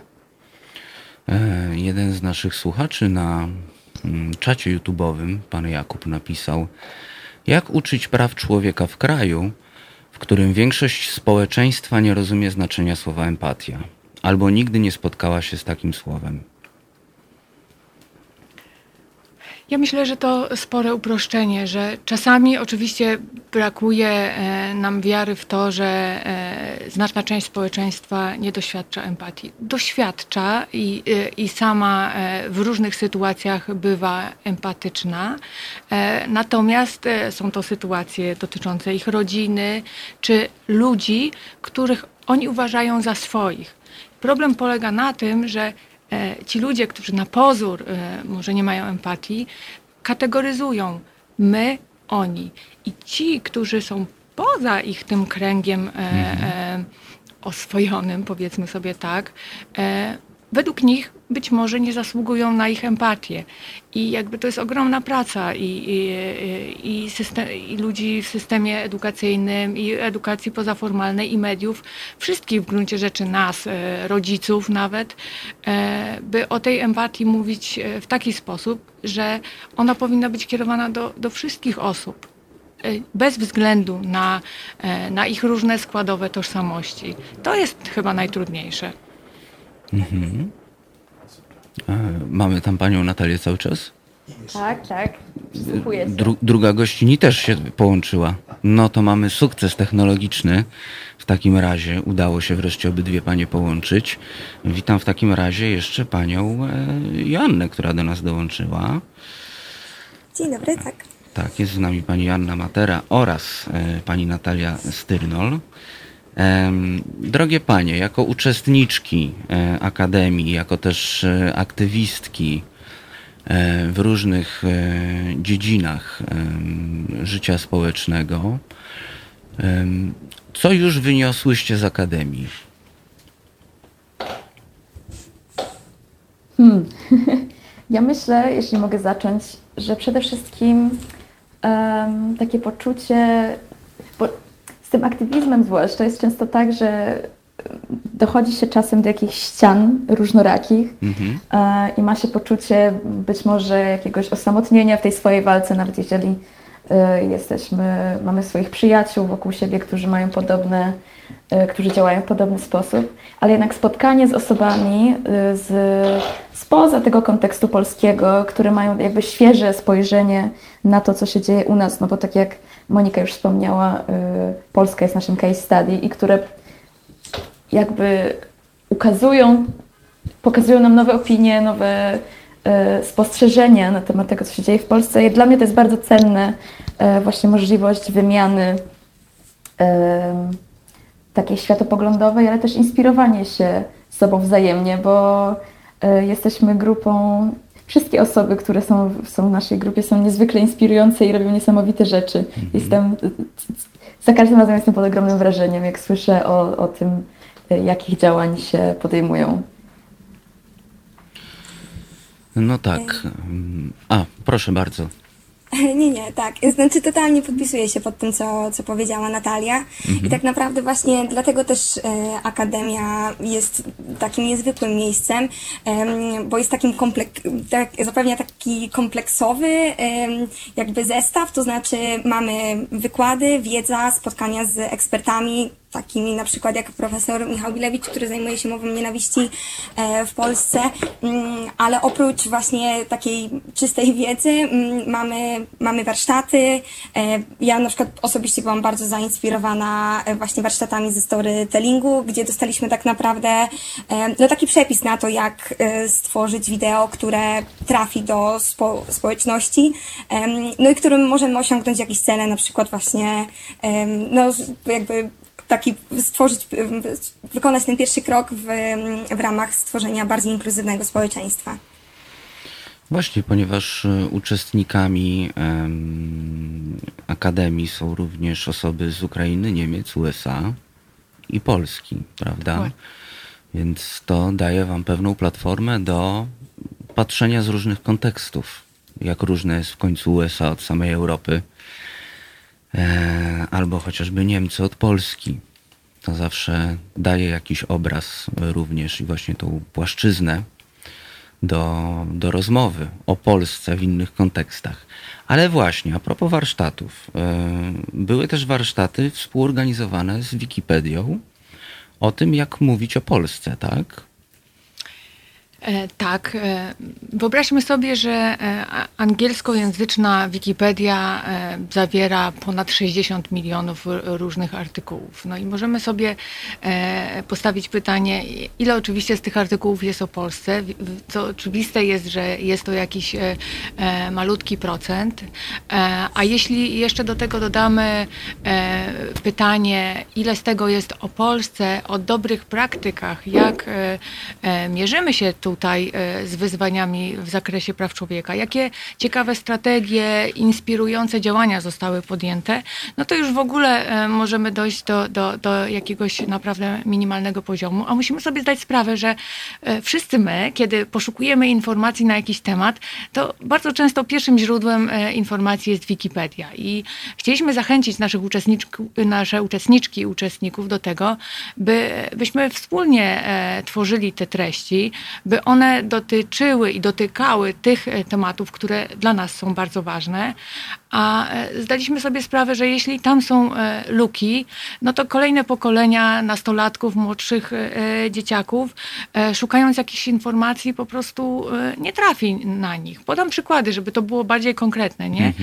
E, Jeśli spojrzymy na manify, widzimy, że to jest wspaniały ruch, regularnie odbywająca się demonstracja. A ostatni wpis o manifach po angielsku e, e, był z 2011 roku. E, To, to, to jest coś, a przecież te, te, te sytuacje odbywały się wielokrotnie. Jeśli pomyślimy o protestach osób z niepełnosprawnościami, którzy walczyli o swoją godność, o w końcu dostrzeżenie ich praw w praktyce, kiedy mieliśmy do czynienia z ogromną frustracją, desperacją i, i protestem w Sejmie, o tym nie ma ani słowa. A przecież e, e, to był ważny moment e, w historii tego, tego ruchu. E, I takich przykładów możemy podawać wiele, chociażby wszystkie wspaniałe około covidowe inicjatywy oddolne, kiedy ludzie nie działający w ogóle w żadnych organizacjach, sami z odruchu serca, właśnie wykazując się empatię, postanowili, żeby coś zrobić. E, I o tym również e, nie ma słowa, a e, my też jako społeczeństwo powinniśmy być z tego dumni i nie puszczać tego w zapomnienie, bo być może jest to dla nas jakaś, jakaś inspiracja i okazja do budowania dalej tych, tej, tej solidarności w, w, w innych sytuacjach. Nauczyliśmy się czegoś jako społeczeństwo. I, że tak powiem, z tego co pani mówi, nie ma, nie, nie ma kronikarzy, po prostu. Mamy wolny dostęp do, do Wikipedii i nie ma kronikarzy, skoro no, ostatnie manify są e, opisywane sprzed dziewięciu lat to po prostu nie mamy kronikarzy, nie mamy osób, które, które piszą tą naszą współczesną historię, znaczy inaczej zapisują. Bo oczywiście są osoby, które ją piszą swoją działalnością. Więc tutaj e, zaproszenie dla słuchaczy i słuchaczek e, Haloradia, żeby e, też do tego się przyczyniali, by Wikipedia jako takie źródło informacji dla wszystkich również zawierało te informacje, które pokazują kondycję nas, y, y, Polaków, y, w 2020 roku, jak my działamy na rzecz innych. To jest bardzo ciekawa propozycja na aktywizm. Szanowni Państwo, polecam e, przemyśleć sobie temat, żeby zostać takim kronikarzem. Ostatnich dziewięciu lat na to wychodzi, a przynajmniej pięciu. E, drogie panie, zrobimy teraz przerwę, zagramy YouTube w utworze One, ale jeszcze Kajtek nie wrzucaj, bo już się poderwałeś. Przypominam państwu, że um, zbieramy pieniądze na zrzutka.pl ukośnik kampania na akcję informacyjną. Siedem miast, um, dużych miast w Polsce. E, zawisną tam billboardy, będą też billboardy e, ruchome. E, akcja ma dotyczyć e, poinformowania e, reszty społeczeństwa, no bo halo, słuchacze oczywiście dobrze wiedzą, co i jak.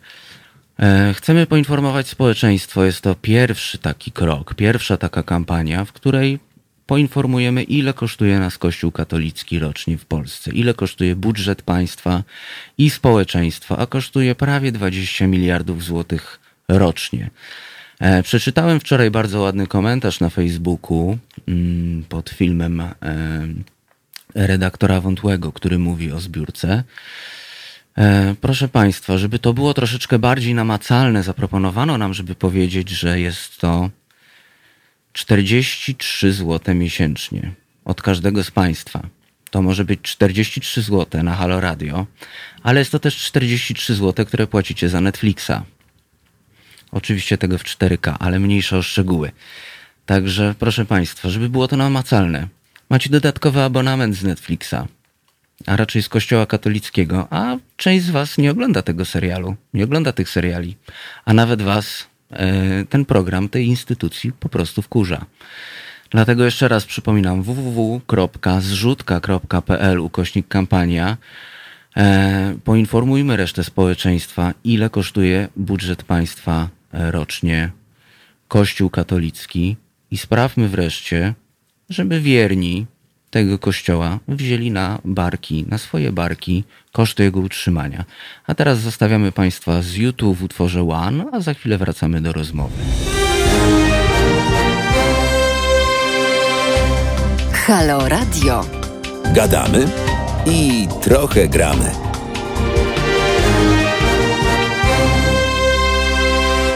To poranne pasmo w Halo Radio. Mamy 8.50, czyli za 10.09. E, rozmawiamy z panią Moniką Mazur-Rafał, e, prezeską Humanity in Action oraz uczestnikami Akademii, 15 e, Akademii Praw Człowieka, panią Natalią Styrnol i Joanną Materą. Czy są panie nadal z nami, ponieważ panie są na łączach? Jasne. Dobrze, dobrze, fantastycznie.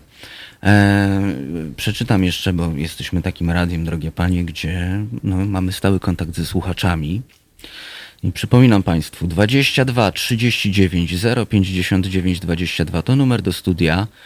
E, mail do nas e, teraz małpahalo.radio. Piszcie, kiedy jestem na antenie na ten mail. E, są też czaty na YouTubie i na Facebooku. No i na czacie na, na YouTubie Mój ulubiony oczywiście Robsonak 222, czyli jedna trzecia szatana. E, odwołuję się też do tego, co mówiłem o naszej zrzutce, zrzutka.pl, kośnik kampania, że te kwoty, które idą na kościół, o których my mówimy, to jakieś, no i tu muszę się spytać, czy to jest potwierdzone info, jak to Robsonaku policzyłeś, ponieważ Robsonak twierdzi, że mm, kwoty idące na kościół to jakieś 30 750 w pełni wyposażonych karetek pogotowia rocznie. To jakaś podpucha chyba jest. To niemożliwe, że to tyle. Co myślisz, Kajtek? Mm-mm. To jakieś grube pieniądze, ale no żeby za 20 miliardów kupić 30 tysięcy karetek, to coś mi się nie wydaje. Może się gdzieś walnął po drodze Robsonak. W każdym razie, wracamy do rozmów o Akademii e, Praw Człowieka.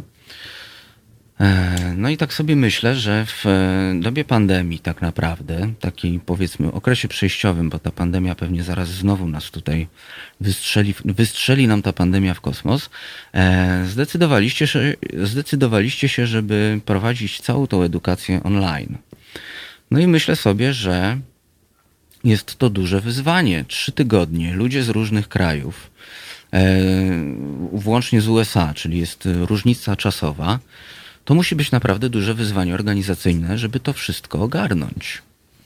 O, zdecydowanie tak. E, Tę decyzję podjęliśmy e, w połowie marca, już na samym początku, chociaż wtedy nie wiadomo było, na ile e, czasu będziemy wszyscy zamknięci w naszych domach. Ale teraz, z dzisiejszej perspektywy, widzę, że, że to była jedyna słuszna decyzja.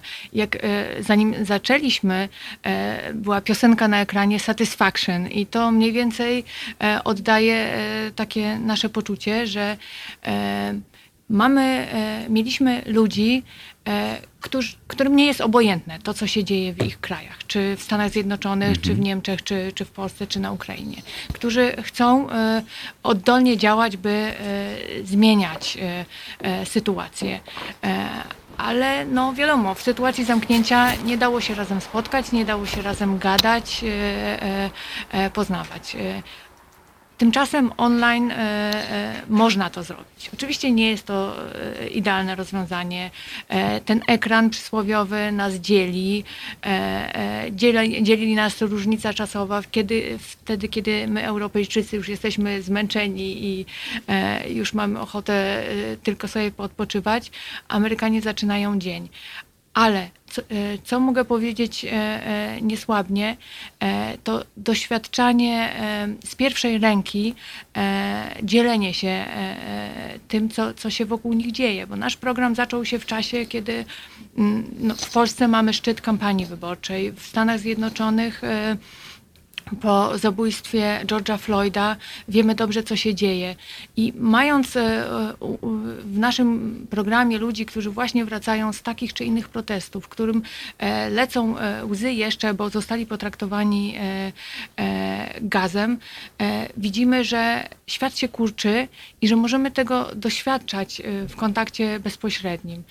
I nawet jeśli jest to rodzaj takiego e, troszkę eksperymentu społecznego, czy, czy to doprowadzi na dłuższą metę do tego, że ludzie będą chcieli razem e, ze sobą trzymać kontakt i wspólnie działać, nie wiemy. Ale też e, bardzo się cieszymy, że były organizacje, które zaufały nam, że dołożymy wszelkich starań, że ten program przyniesie oczekiwane rezultaty. I tutaj chciałabym serdecznie podziękować Fundacji Pamięć, Odpowiedzialność, Przyszłość, ambasadzie Stanów Zjednoczonych w Polsce za to, że, e, że wsparły nas e, w tych naszych działaniach.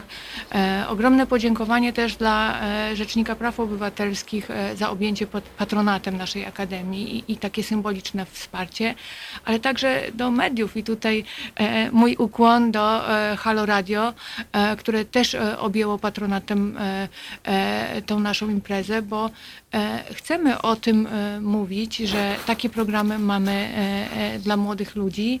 E, i Chcemy zapraszać e, do tego działania, bo, e, bo demokracja to jest nasza wspólna sprawa i nie powinna się ograniczać do jednej bańki. Powinniśmy te bańki pączkować, a to możemy zrobić tylko wtedy, kiedy będzie nas więcej. To ja się jeszcze zapytam, bo musimy trochę zaktywizować e, nasze pozostałe gościnie, bo tak siedzą panie cicho. Drogie panie, mm, no jesteście jako studentki, tak, e, konfrontowane z tą całą edukacją online, ale no akademia jest jednak troszeczkę innym, e, innym wymiarem edukacji. I jak to wygląda z waszej perspektywy? Jak się czujecie jako uczestniczki takiej akademii, siedząc przed ekranem, siedząc przed monitorem? Szczerze mówiąc, y, z mojej perspektywy już siedzenie przed monitorem i uczenie się w ten sposób mm, trwa od jakiej, jakichś, no przynajmniej trzech miesięcy, więc jest to już rzecz, która spowszedniała e, poniekąd. Ale rzeczywiście y, ja podpisuję się po tym, co Monika mówi, że to jest jakaś taka forma rzeczywiście eksperymentu społecznego, mam wrażenie, bo e, no to nie jest tak, że my się rzeczywiście tylko uczymy i słuchamy i coś tam sobie notujemy, ale my się wymieniamy różnymi informacjami, opiniami, więc e, taki ferment myślowy e, okazuje się jest możliwy i całkiem sprawnie da się go e, sprowokować również w takiej sytuacji online.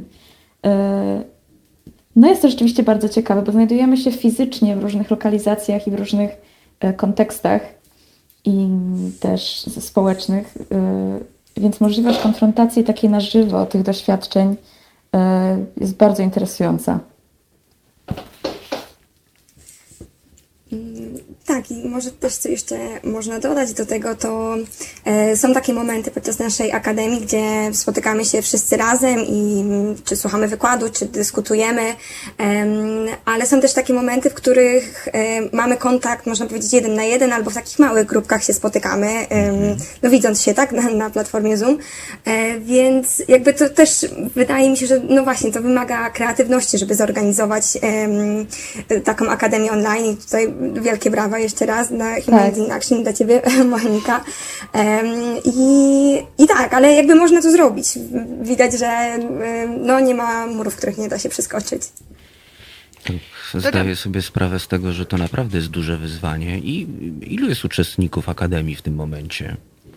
W polskim programie mamy 23 osoby, ale dodam, że podobne programy w tym samym czasie organizowane są e, przez nasze biuro w Berlinie, biuro w Amsterdamie i e, biuro w Atlancie. Więc mamy cztery takie programy równolegle i oprócz tego, że spotykamy się e, w tych takich grupach lokalnych, ale one są międzynarodowe, to jeszcze czasami się spotykamy w tej grupie ponad e, 120 osób i też staramy się e, wymianę multiplikować. E, Może jeszcze e, e, dodam to, że ten program Akademia to jest, można powiedzieć, początek drogi, bo dopiero po tej akademii e, ludzie zaczynają tak naprawdę e, e, kolejny etap swojego, swojego działania, współpracy. I e, e, właśnie z, nasz, z tej naszej akademii powstało wiele ciekawych e, inicjatyw, które chociażby nawet e, w Warszawie e, dały się poznać ostatnio, czy Kuchnia Konfliktu, e, czy mm, Hair Dogs, e, pierwszy w Polsce festiwal, festiwal filmów e, e, produkowanych przez kobiety, czy inicjatywa Gościnność, czyli opowiadanie w szkołach o, o uchodźcach, o migracjach podczas warsztatów gotowania. Więc mamy różne inicjatywy i edukacyjne, i, i aktywistyczne. Cieszymy się, że właśnie poprzez działanie można poznać naszą sieć absolwentów i, i absolwentek. Więc może dlatego łatwiej nam było podjąć decyzję o tym online programie, bo wiemy, że to jest początek drogi i że dla e, naszych ludzi w sieci, których nazywamy po angielsku Senior Fellows, e, będziemy oferować różne inicjatywy e, już wyspecjalizowanych szkoleń, spotkań i że oni będą mieli okazję wcześniej czy później poznać się osobiście. E, Dzisiaj jest też szczególny dzień, mm, ponieważ rozpoczynacie rekrutację do nowego programu Landekera, Landeker Fellowship. Tak, e, bardzo się cieszę, że mogę się tutaj e, na antenie podzielić tą wiadomością. Dzisiaj właśnie ruszamy z rekrutacją. Program, który polega na, na rocznym rozwijaniu swojej wiedzy i umiejętności dla ludzi poniżej e, 40 roku życia, czyli młodych profesjonalistów, którzy już mają e, jakiś e, dorobek, którzy wykazują się e, zdolnościami przywódczymi i teraz co najważniejsze, którzy chcą działać na rzecz wzmacniania e, wartości demokratycznych i poczucia wspólnoty i którzy mają e, ciekawe pomysły, jak te projekty zrealizować i też trafić do ludzi e, dookoła nich, spoza jednej po to, żeby e, sprawić, żeby demokracja nie była abstrakcyjnym pojęciem, które aż jest tyle powtarzane, że nas e, nudzi i, i wyłącza naszą uwagę, żeby demokracja to była nasza sprawa i żeby ludziom się chciało działać. Więc e, szukamy ludzi z ciekawymi pomysłami, którzy już umieją poniekąd działać, a oferujemy im sporo, bo oferujemy im taki roczny roczny program, w którym mogą e, uczestniczyć e, w programach edukacyjnych, którzy będą mieli wsparcie ze strony agencji komunikacyjnych i PR-owych, żeby o tych swoich problemach, czy o tych swoich e, strategiach rozwiązywania problemu e, mówić w sposób bardziej profesjonalny. E, dostaną stypendium na rok w wysokości 10 tysięcy euro, dostaną 5 tysięcy euro na, e, na to, żeby uruchomić swój projekt. E, No i cóż, zapraszamy do składania e, aplikacji. Można aplikować e, do 2 sierpnia, a projekt startuje od października. I tutaj zapraszamy młodych ludzi z krajów Unii Europejskiej i Stanów Zjednoczonych. Oczywiście więcej szczegółów e, e, znajdziecie na stronie e, www.humanityiнаction.org e, bądź na Facebooku Humanity in Action Polska. Także zapraszamy do zapoznania się ze szczegółami. Również Państwa serdecznie zapraszam.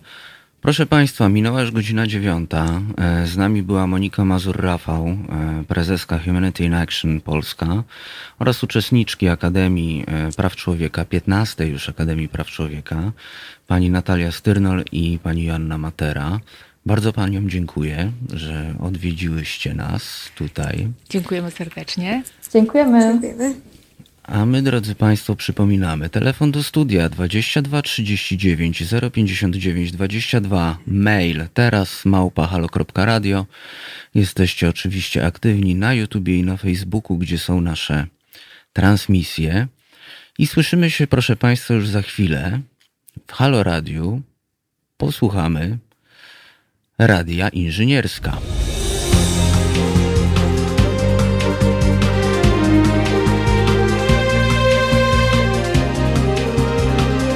Halo Radio.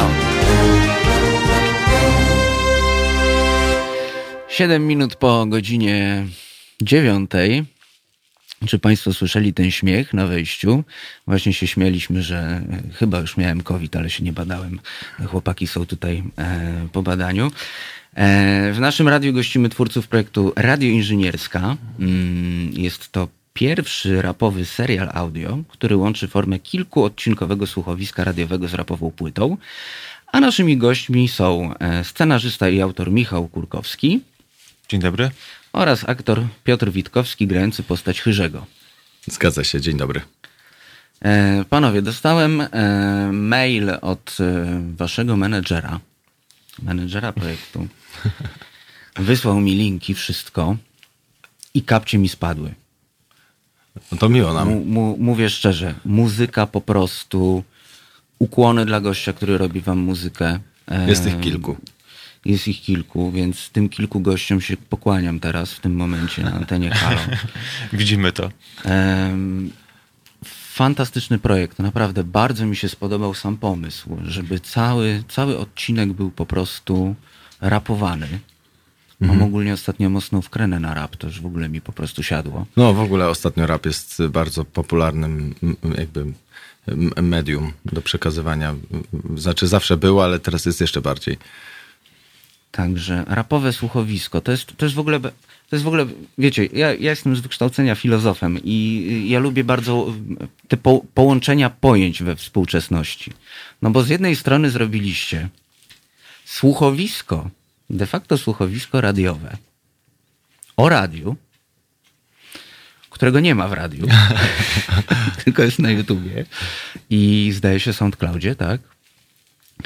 Em, no jest to w ogóle fantastyczny pomysł. I jest to bardzo ciekawy pomysł, e, jak na te czasy, no bo wiecie, e, mamy media, Netflixy, e, jest sporo podcastów, a, a jednak jakby pomysł słuchowiska, który jest formą, no nie powiem, że starą czy przestarzałą, bo nie jest. Ja słuchowiska zawsze uwielbiałem, słuchałem jeszcze w trójce dawno temu słuchowisk O, ja też. jako dzieciak. E, Po, po liście e, w piątki było, było zawsze słuchowisko e, po, po, późną nocą. Już jest Ale, politycznie. by, Ale by, już jest były, politycznie, też, tak, były też słuchowiska w sobotę. Tak, Dym tak. z papierosa Marii Czubaszek i inne takie Tak, był dym z wspaniałe. papierosa, właśnie. To fa fantastyczne rzeczy. No i właśnie, nagle w XXI wiek i wpadacie na pomysł, że zrobicie słuchowisko.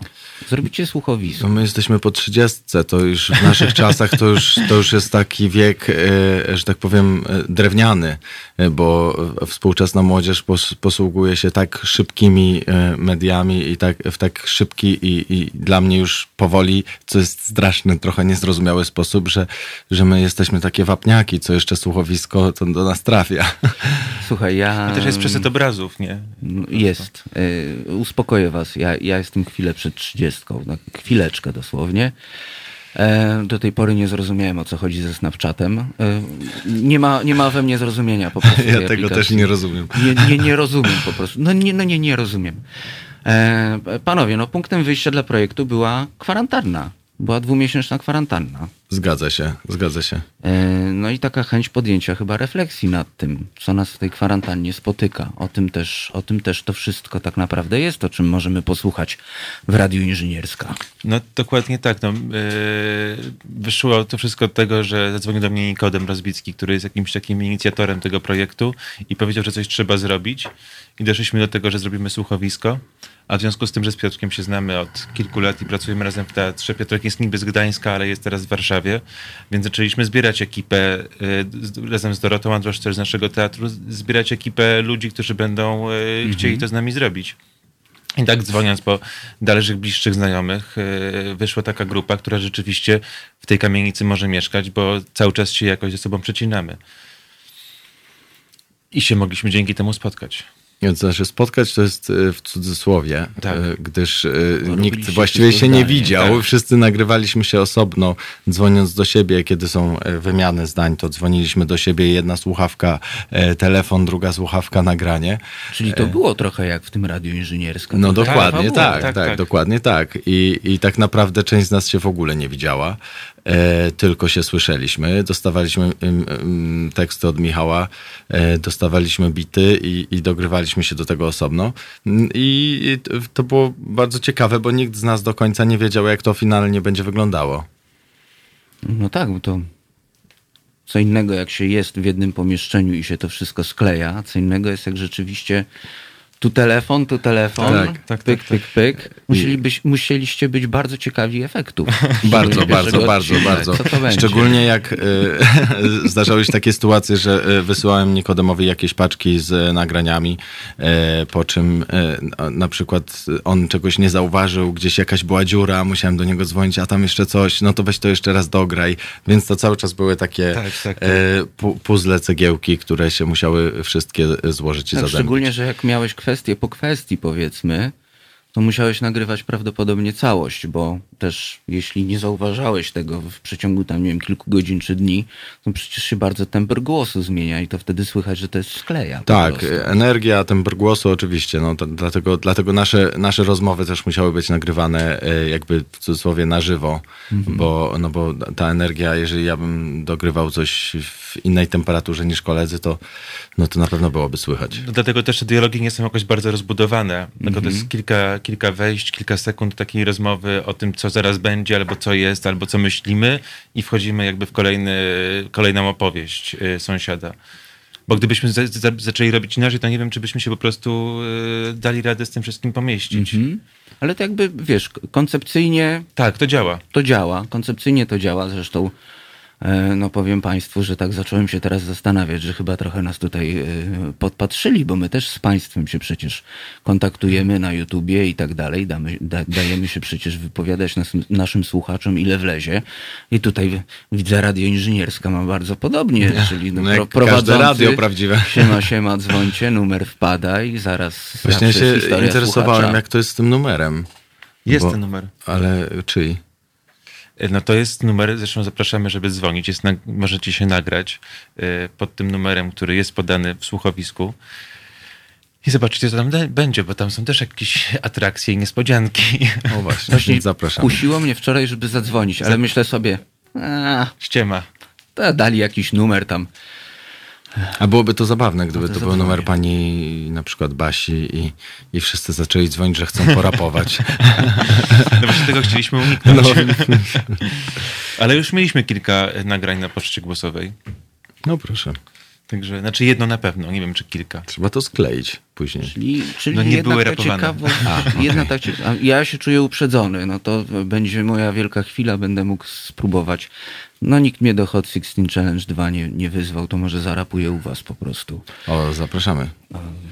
Nigdy tego nie robiłem, wiecie, ale, ale No może... też umówmy się, że, że nasz rap, y, jakkolwiek z całą miłością podchodząc do tego projektu, to nie jest no, taki e, e, rap y, profesjonalny, tylko to jest taki melorap.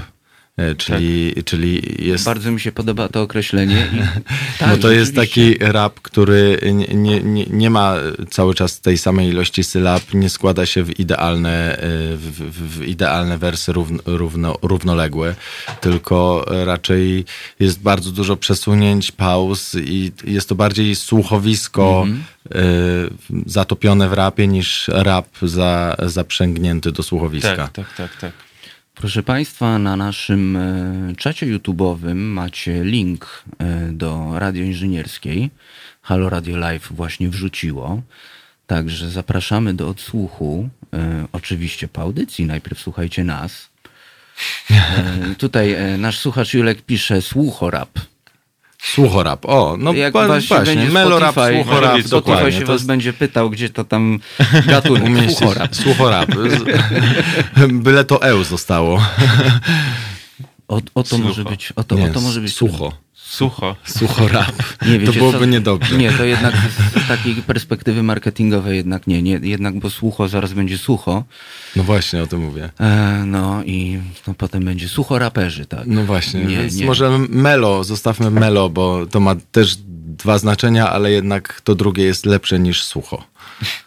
Tak, to jest, to jest taka w ogóle ta me- melo stylówka, to jest też taka stylówka, ona mi się kojarzy z y, tymi pierwszymi fazami, e, no to Kajtek pewnie będziesz wiedział, to trip, trip hop, trip hopowe, as free, O, tak, tak. klimaciki. O, no tak, to, o właśnie, dokładnie, taki o taki bardziej taki, taki acid jazz trip hop, no tak, tak, jeżeli już trzeba to nazwać. A muzyka naprawdę po prostu ukłońcie się producentom, którzy robią wam muzykę. To jest fantastyczna. Kłaniamy im się w pas. Także kłaniam im się w pas. Zdecydowanie. Panowie, e, 10 minut minęło, to zagramy. A nie, no telefon mamy, no to nie, no to musimy O. telefon odebrać. Słuchawki. E, Halo, halo, słuchawki. z tej głuchej Albo ktoś toni. takie pranki nam robi. Z tej głuchej toni kto do nas dzwoni? O właśnie, no to jeszcze raz. Halo, halo, z tej głuchej, Głuchej toni toni, kto do nas, Teraz dzwoni? Halo, dzwoni Jakuba z Amsterdamu. Buongiorno, cześć chłopacy. E, trochę, trochę mnie goście zakrzyczeli na czacie YouTube'owym e, gadką o, o, o pieniądzach kościelnych, a ja jako e, hip-hopowy weteran i, i, i bywalec polskiej sceny od lat 90. jestem bardzo ciekawy, czy Tak, wasz kiedyś projekt... w audycji Marty Woźniak właśnie o tym, że jesteś A, weteranem. i jak dobrze pamiętam. No tak, rzeczywiście, byłeś tam wtedy. Em, Chciałem zapytać, czy projekt jest jedynie rapowy w formie, czy jakby y, niesie ze sobą jakieś powiedzmy y, hip-hopowe wartości. No w dzisiejszych czasach wszyscy robią Hot 16 Challenge, rapują jakieś kurde typy, którzy z rapem nie mają nic wspólnego.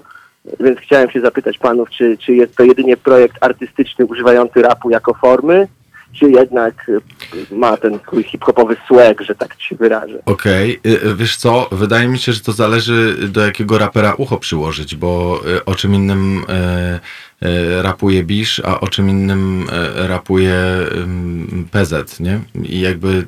E, To, tak, to są, są, każdy ma trochę różne że- że wartości. Wszystko, wszystko mieści się w pewnej, w pewnej konwencji. Kurka, nie wiem jak to... Chodzi jak ci o to, że, y, że nigdy nie dla sławy i nie dla pieniędzy. E, To też, no, rap jakby w swoim założeniu był dla sławy i dla pieniędzy już powiedzmy od lat 70. Chodzi mi bardziej o to, czy rapujecie bardziej jak Pisz bądź PZ, czy bardziej jak na przykład Beata Kozidrak, czy, czy, czy Mgły. Myślę, y, wiesz co, myślę, że myślę, że jest tutaj taki miks, że ci, którzy słuchają więcej Bisza i PZ starają się bardziej jak ona, ci, którzy więcej Beaty, no to siłą rzeczy bardziej jak Beata i dla wszystkich jest miejsce. No ale też staramy się nawiązywać w tekstach do klasyki rapu i znajdziesz tam trochę takich cytatów z O, różnych płyt. A nigdy nie dla sławy i nie dla pieniędzy to molesta. No tak, no o, oczywista sprawa. E, bo tak, tak drążę ten temat, bo chciałem po prostu zapytać, czy jakby wy osobiście wywodzicie się z klimatów hip-hopowych, czy jesteście na przykład starymi punkowcami, bądź też metalami i używacie jedynie pierwszy. formy, wzorując się na, na, na, na po prostu na, na, na klasyce, czy też elicie polskiego rapu, ale nie macie osobiście życiowo z, hip-hopem wiele wspólnego, no ale wyglądacie mi na, tutaj patrzę w kamerkę, wyglądacie mi na ostro hip-hopowych, łącznie z prowadzącym Wawrzyniakiem tutaj. Siemanko. No ja pierwszą, e, słuchaj, pierwszą e, kasetę rapową kupiłem jak miałem 8 lat i był to, był to Greatest Hits Tupaka i to był mój początek. I właśnie o to mi chodzi. O to mnie chodziło. Czy wy panowie po prostu e, rap No, traktujecie jako jak- je- jedną nie, z wielu rzeczy? sensie. Czy, czy, czy, czy, czy jednak no jakby przez to, że jesteście z natury hip-hopowcami, ten projekt powstał powstał jakby z potrzeby, z potrzeby serca, a nie, że akurat rap jest fajną formą i jak nie wiemy co do reklamy wrzucić, to wrzucimy pięciolatków no rapujących, bo, bo rap to się kojarzy, wie, że rap jest fajny, śmieszny, cztery sery, la la la. No, Rapujące dzieci. To, to, rap. chyba, to chyba nie, bo tutaj jakby w trzonie to, to raczej ludzie, którzy słuchają hip-hopu, aczkolwiek ja słucham hip-hopu od y, y, na pewno krótszego czasu, chociaż pierwszą kasetę, jaką kupiłem, to była kaseta Eminema. E, Na pół z kolegą się składaliśmy, ja miałem trzy dni, E, on no miał trzy dni. strona A, strona B. Dokładnie, ale, ale ja słucham hip-hopu w sumie od y, nie takiego długiego czasu, y, bo od y, dosłownie dwóch i pół roku, ale ponieważ no, zdarzyło mi się zagrać Tomka HD, no to musiałem w to wniknąć bardzo głęboko i, i, i, i, i zakochałem się w tej muzyce bardzo i właściwie teraz to jest moja pierwsza muzyka, której słucham cały czas. No, czasem neofici potrafią dobrze złoić tyłek tym starym.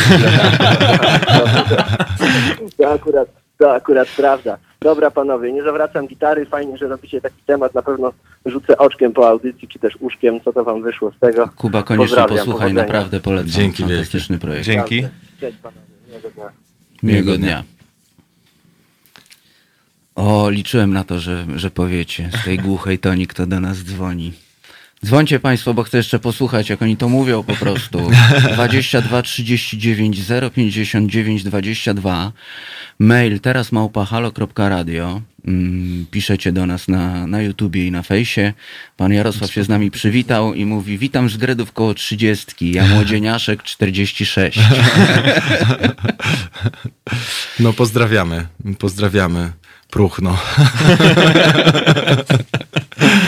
I z tym przemiłym em, pozdrowieniem zagramy teraz. Kajtek, tam, co tam mamy na tapecie? Po angielsku coś. Trudno po angielsku? Ty to czekaj, to ja zajrzę. Ty masz lepszy, no angielski. E, poczekaj chwilę. Sixpence none the richer. A dalej jest prosi. Kiss me.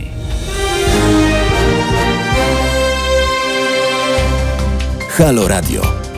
Gadamy i trochę gramy.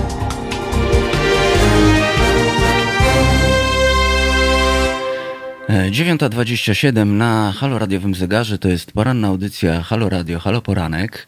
E, Z nami są już, a raczej już od jakiegoś czasu, e, scenarzysta i autor Michał Kurkowski oraz aktor Piotr Witkowski grający postać Chyrzego. A w czym? A w projekcie, który nazywa się Radio Inżynierska i jak ustaliliśmy, jest to pierwszy rapowy serial audio, tudzież rap słuchowisko, tudzież słuchorap. Albo melorap. Albo melorap. E, Ja się też tej, tej wersji najbardziej trzymam. Sucho. Przypominam telefon do nas 22 39 059 22, ponieważ jak Państwo zadzwonicie, to Chyży przywita Was tak. Halo, halo, z tej głuchej toni, kto do nas dzwoni? E, wymyśl jeszcze coś na poczekaniu na, na powitanie maila. Teraz małpa halo.radio. Teraz małpa... Jeszcze raz, przepraszam. Teraz małpa halo.radio. Masz, masz jakiś taki ten też taki... Teraz małpa... Słuchaj nas, w tym momencie będziemy opowiadać wam to. O, no i dobra, O, pisze mamy dwie zajawki, ja. także, także, także piszcie i dzwońcie, bo można ładnie tutaj usłyszeć. E, Krzyś Karcz do nas napisał na YouTubie. Wszyscy super, ale dla mnie Chyży najlepszy. Serdeczne pozdrowienia dla wszystkich z Krakowa. Dziękuję bardzo Krzysiowi. E, I Krzysiu, również zadzwoń, pozdrawiamy zadzwoń ludzi z Krakowa. A czemu nie? Co nam szkodzi? I tak e, zostaliśmy wywołani trochę do odpowiedzi e, przez dzwoniącego przed chwilą Kubę z Amsterdamu o, o jakieś nasze takie, mm, o, o wasze przede wszystkim, ja tu tylko w czapce siedzę podobnej też raperskiej, e, o, o takie inspiracje właśnie rapowe, o pierwszą kasetę. Pa- Pamiętacie jak się kasetę tym? Yy, Ołówkiem przewijało? Oczywiście, no wiadomo. To była. Albo to cienkopisem. było życie. To wtedy życie miało smaczek, co? No, no, no. Kurczę, to Właśnie tak jak to- mówiłem, e, myśmy z e, kumplem kupili kasetę na pół i się wymienialiśmy ją e, po prostu po trzy dni i potem razem znaliśmy te same kawałki, więc mieliśmy jakiś taki wspólny, wspólny temat. To było wesoło. Trzeba się było wymieniać. Właśnie. E, słuchajcie, no bo jeszcze jest tak, że w każdym z odcinków Radia Inżynierska e, tych troje prowadzących, tak, z, z Kamienicy, Tak, Nikodem Rozbicki, Dorota Andrusz i ja. mm, łączy się z sąsiadami i tych sąsiadów grają nie byle jakie nazwiska zresztą. Nie byle jakie nazwiska. byle jakie Mamy nazwiska. w pierwszym odcinku jest, e, jest Andrzej Chyra, jest Ewa Skibińska, Tomek Cymerman Ola. i Ola Matlingiewicz. E, Więc, więc są to... I Bartek Gelner. I Bartek Gelner, tak, właśnie. Przepraszam. Ciężko, nie, bo to zawsze, wiesz, można zapomnieć Tak, i tak, to tak. nie, a nie warto. E, słuchajcie, ekipa jest mocna i duża. Tak, tak. I okazuje się, że tych sąsiadów jest strasznie dużo, bo w drugim odcinku są zupełnie nowi goście, więc ta kamienica musi być dosyć mocno potężna. No właśnie zamierzam się, zamierzam się dzisiaj jest taka przejechać łódzka na taka, inżynierską i zobaczyć, gdzie jest taka duża kamienica właśnie. E, Pan, pan Jarosław znowu nas tutaj zaczepia, pisze, we wtorki kaszkietarianie, a w środę bejsbolówkowcy. No tak wyszło, panie, panie Jarosławie. To jest taki insajdzik, wiecie, bo to we wtorki poranki prowadzi gość w kaszkiecie, a w środę A, w no. bejsbolówce, więc Okej. tak się podzieliliśmy na takie, podzieliliśmy się na takie stronnictwa, można powiedzieć. No tak to E, bywa, panie ludzie z różnymi e, poglądami modowymi mogą się dogadać. Też mm, no jakby opór powietrza jest inny w każdym nakryciu wiadomo. głowy. W zeszłym tygodniu też był e, u nas tutaj gościu, który był w, jak to się nazywa, cyklistówce. O proszę, no Wiecie, to już zupełnie inny, inny, inny Zupełnie dźwięk inny wtedy przelot. wychodzi, prawda, z, z twarzy. Zupełnie, wiesz, i Tak. ten opór powietrza właśnie, ja dlatego na przykład na rowerze nie mogę, no bo A próbowałeś w cyklistówce?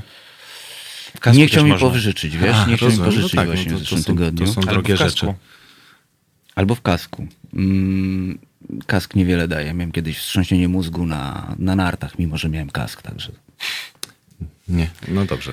Bo jak już wylecisz z trasy, to już wyleciałeś. No ale mniejsza. Dobrze. Panowie, muzyka super, teksty super. Ukazały się dwa odcinki. A kiedy trzeci? Jest w produkcji, można jest w powiedzieć. produkcji. Tak, tak, Powstaje tak, tak. muzyka teraz. E, Po, może po- powiedzmy, kto jest za nią odpowiedzialny, bo, bo W pierwszych warto dwóch sprawdzić. odcinkach. Tak. E, W pierwszym odcinku mamy muzykę Mikołaja Dobbera i Kuby Karasia, a w drugim odcinku Mikołaja Dobbera, Pawła Janickiego i Wishlejka. I raczej to są osoby, które z nami e, będą tworzyły oby jak e, do końca. No i myśl, aby do końca, jeden dzień dłużej. Ale też myślę, że będą dochodziły jakieś nowe postaci z jakimiś pojedynczymi wstawkami prawdopodobnie, bo Także jeżeli ktoś chciałby na przykład e, się e, swoją kontrybucję dołożyć, to zapraszamy serdecznie e, pisać do nas na przykład na Instagramie e, lub dzwonić na numer, e, który jest podany u nas w audycji i e, zapraszamy serdecznie. Ja bym chciał. Kto to powiedział? A to ile jeszcze odcinków planujecie? Czy nie wiecie? Czy no tak ja myślę, was że poniesie? łącznie powstanie maksymalnie 6 odcinków albo przynajmniej 5. 5 to jest taka dolna granica. Mhm, pięć to dolna granica, dobrze. To A może będzie drugi sezon? Może będzie Wszyscy drugi sezon. zginą i będą jacyś nowi sąsiedzi. O, to ciekawe. Może przeniesiemy się w czasie. Tak. No bo jeszcze tutaj też ważnym kontekstem chyba jest ta dwumiesięczna kwarantanna. Znaczy wiadomo, zaraz się wszystko Tak, znowu tak. zamknie, więc będzie, będzie o czym nawijać w zamknięciu. Ale w tym momencie mamy taki e, moment przejściowy, Tak. na pewno tak bym Drugi nazwał. odcinek y, ma taką naklejkę na naszej okładce, że to jest Transition Edition. Transition Edition. A Więc- trzeci jaką będzie miał? No zobaczymy, co wymyśli nasz grafik.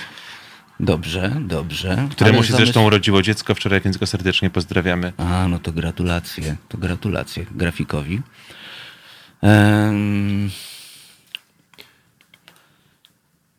No to co będzie w tym trzecim odcinku? No zdradźcie chociaż Michał, trochę. Ja muszę, ja mogę się pochwalić, że napisałem swoje opus magnum Opus, o, do trzeciego odcinka. Tak, I czytałem. będzie, I będzie taki utwór y, no, warszawski. Warszawski. Bardzo warszawski. Gwarą warszawską taką, że, że rzeczywiście trzeba sprawdzać słowa, bo za pierwszym razem jest ciężko zrozumieć wszystko. Jest to bardzo ciekawa figura. Tak, tak, tak. Czyli, Jeszcze ale nie wiemy, taki- komu przypadnie w udziale, jeśli chodzi o gości. A. Mamy pewne tylko typy. Tak. Czyli to ten, czyli to dla gości będzie. Ale też oprawa muzyczna myślicie, że będzie taka trochę warszawsko-praska? Tam akordeonik? Tam... Y, No, myślimy, że tak, zwłaszcza, że trochę tam refren jest zaczerpnięty z takiego klasycznego utworu y, praskiego. Paczkaj Więc- tak jak wyczułem. Więc pewnie, więc pewnie, no zobaczymy, no bo też go trochę tam zmieniłem. Będzie trochę też inna muzyka, bo będą dla nas robić y, koledzy, którzy mają taką kapelę swoją. Y, Chyba się nazywają Steyer, więc oni pewnie nam coś tam do, podogrywają, jakieś takie y, akordeony, banjo czy coś takiego, no ale to jest refren, a reszta jest moją zabawą. Mm, Dobrą zabawą. Będzie, ty się dobrze będzie rap. Ja się będzie, świetnie ty się bawię. dobrze będzie e, warsza, bar, warszawski beat. Tak, będzie trochę warszawski. Będzie taki... em, Przepraszam. Em, Myślę tak sobie jeszcze o takim e, wymiarze, który się po pokazuje w waszym serialu e, Melo, Melorap e, Słuchowisku. Em, Takiego wsparcia społecznego, budowania się takich mikrospołeczności. tak, tak. To To akurat chyba jest, y, to jak mówił Kuba z Amsterdamu, jakiś trzon rapu, że, że, że zawsze ta społeczność jest najważniejsza. I jak, y, mm, jak y, z, z- mojego doświadczenia też mi się wydaje, że, że zawsze budowanie tej lokalnej społeczności jest takie najbardziej wartościowe, bo, bo społeczności takie ogólnopolskie, czy, czy ogólno mm, jakiejś jednej myśli są zawsze bardziej skomplikowane, bo nie zna się tych ludzi, a jak się ich zna, to dopiero można i zmienić poglądy, i porozmawiać, i zastanowić się, i wesprzeć, i, i, i, i, kogoś, że tak powiem, e, zdisować, a, a na takiej, na odległość jest ciężko. No To jest taki wspólnotowy, y, rap jest wspólnotowy. I dlatego nasz projekt jest wspólnotowy, zwłaszcza w czasie, kiedy taka wspólnota jest potrzebna. Pewnie y, nie wiem na ilu kamienicach na Pradze widziałem, że pomoc sąsiedzka działa i że chcą przynosić sobie zakupy. Zresztą Praga jest pod tym względem, y, znaczy nie wiem w sumie jak jest w innych teraz dzielnicach, bo rzadko jeżdżę do nich, ale Praga jest y, pod tym względem na pewno świetna. Tak myślę, myślę o tym właśnie, że to tak właśnie kamienica na inżynierskiej jako taki ekwiwalent getta współczesny. No, może, może, czemu nie? No, na pewno to jest coś, co y, ja na przykład ciężko przeżyłem kwarantannę, bo mi różne pospadały e, projekty i tak dalej. Wszystko przesunęło się na świętego nigdy. Nie było wiadomo, czy wrócę do pracy, czy nie wrócę do pracy, czy film powstanie, czy nie powstanie. I, y, I rzeczywiście to zaprzątało mi głowę i mogłem się tym zająć, się poprawiać, poprawiać, nagrywać yy, Tak. i, i konsultować się i tak dalej yy, z, z kolegami. I, i, I to było coś, co e, bardzo pomogło też mi przetrwać tę kwarantannę, żeby nie siedzieć na kanapie y, nieumytym, tylko jednak się umyć do tego nagrywania, więc, więc nagrywałem na czysto. Na setkę i na czysto. Tak, dokładnie, dokładnie tak. Coś w tym jest. Mm, Wiesz co, ja też doświadczyłem czegoś takiego e, podczas kwarantanny, że zupełnie mi się zaczął roz, roz, rozlatywać dzień w momencie, kiedy przestałem się myć rano. No Był właśnie. Cały dzień w piżamie, nie? No, to właśnie. tam papieros przy komputerze i człowiek się zamienia w totalne zombie. Przez Tak, sam brak mycia, w naprawdę. bloba, w bloba. Tak, w No. bloba, zupełnie. Przez, przez, przez ten brak właśnie takiego Jakiejś bycia takiej w zwykłej rutynie, rutynie. w takiej no, zwykłej dokładnie. rutynie. Tak, tak, tak, Zawsze no. narzekałem na rutynę, a teraz się okazało, że żyć bez niej nie mogę. Po No właśnie. Bo rozkłada się cały dzień, całe życie się rozkłada. No właśnie, i hip-hop też nas do tego zbiera, bo trzeba się zmieścić w bicie. Więc właśnie. trzeba się utrzymać w ramach. A, a ramy, jak się okazuje, są nie najgorsze. A przecież muzyka jest y, innym sposobem liczenia czasu, więc w ogóle już jesteśmy w domu. No to bardzo poetyckie. I to jeszcze jak jest zapis szalony, muzyczny. Jak on ten czas mierzy. Mierzy i czas, i wysokość, spo- spowalnia. przyspiesza, spowalnia. A nie tam jakiś Einstein. Bach, Bach, panowie. E, Robsonak 222, czyli jedna trzecia szatana nasza tutaj e, YouTube'owa pisze. Ja wychowywałem się na Black Sabbath, Iron Maiden, Metalice, ale pierwsza kupiona kaseta to Roxette. No proszę. Nie przepadam za rapem, chociaż słuchało się kalibra 44, a dzisiaj lubię posłuchać Łony. Koniec żartów.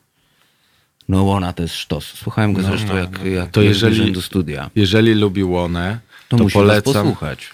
tak, Koniecznie. ale też polecam bardzo Bisza. Ja jestem jakimś psychofanem od jakiegoś czasu i po prostu t- ten człowiek y, jest niesamowity, a, a, a płyta Duch Oporu y, na pewno w jakimś stopniu może się skojarzyć z, z takim, no powiedzmy, mm, erudycyjnym rapem. A Wiesz, w ogóle miał więc- koncert y, niedaleko inżynierskiej, bo na, jeden, na 11 listopada, tuż przed kwarantanną, więc y, I zdaje się, Więc że ma jest teraz jakiś- 20 czerwca i chce pójść. też na, na 11 Nie, nie, listopada nie. nie wyszcie. Mam, nie pamiętam. Bisz, jeśli jakimś cudem nas słuchasz, to e, jest taki numer, jak posłuchasz e, radia inżynierska, to zadzwoń i zarapuj na niego. Bo już blisko inżynierskiej byłeś, to, to wiesz, wbijaj do chłopaków. A właśnie, proszę Państwa, 22 39 059 22 to numer do nas. Yy, No dzwońcie Państwo, dzwońcie. I teraz małpahalo.radio to nasz mail, który sprawdzamy oczywiście bardzo, bardzo dokładnie i zawsze. Ale nie, ale w mailu. W mailu Chyba nikt nie słucha, nikogo to nie obchodzi, dajcie spokój. Pan Jarek pisze, moi rodzice słuchali czerwonych gitar, SBB, e, Blackout, Breakout, Beatles, a ja jestem fanem Queen. Słucham też innej muzy, każdej prócz disco. Proszę, a teraz powstaje muzeum. Disco Polo, tak. Tak, Tak, więc... Ale Nasza redakcyjna czytałem, koleżanka może miała się ostatnią przekona. audycję o tym. Jeśli chcecie posłuchać, to zeszłotygodniowa Marta Woźniak w piątek. Miała tutaj specjalistkę od, y, od w ogóle Disco Polo, która napisała o tym książkę. A, No. wiem, czytałem. y, Byłem na spotkaniu z nią, teraz... y, Taki zenek jest na, na okładce. Tak, ona ma na imię Ola? Nie wiem. Chyba Ola, tak. No możliwe, no, sprawdzić jednak jest, bardzo ciekawa książka, jest ona bardzo ciekawe podejście ma do tego. immanentna część naszej polskiej społeczności, więc... No ja czekam na Muzeum Polskiego Rapu tak naprawdę. No, no wiecie, rozmawialiśmy i o kasetach. Jest była, była taka wystawa, bardzo ciekawa, A. niedawno, Roz- na Śląsku. No tak, tak, tak, tak, tak. No, Także, No, że Rozmawialiśmy są. o kasetach, to i, i pamiętamy Disco Polo w latach 90. Ja nie wiem, czy wy wiecie, że to się w ogóle z żartu wzięło. Mydełko Fa. No Mydełko tak, Fa, tak, Marek oczywiście Kondrat. największy hit, ale, ale tylko, że Disco Polo to chyba akurat jest taka muzyka, której się nie da sparodiować, więc dlatego to nie wyszło. No, dlatego poniósł Ko- Konrad taką porażkę. Taką no, po porażkę, sukces, tak. No. On się chyba do tej pory dziwi, że to tak wyszło. No, ale to po prostu Ale są, są ten- pewne, jakby moment. nie da się zrobić pastyszu pastyszu, no więc jakby to już jakby nie, nie da się. Chyba, że byłoby na poważnie zaśpiewane, tekst byłby dosyć mocno taki filozoficzny, to wtedy może rzeczywiście byłby zgrzyt, ale w ten sposób to nie. Przepraszam, jeszcze raz, filozoficzne Disco Polo? No to wtedy może byłby zgrzyt. A, a, a tak to, to, to się nie da. No, jeżeli korzystamy Mhm. z tych samych, y, z tych samych jakby środków, no to Mhm. nie, nie będzie to pastisz. Dobrze, zrozumiałem. Teraz zrozumiałem. Coś musi być w kontrze, żeby. Musi że- być. Tak. Julek pisze. To teraz będziecie zaskoczeni.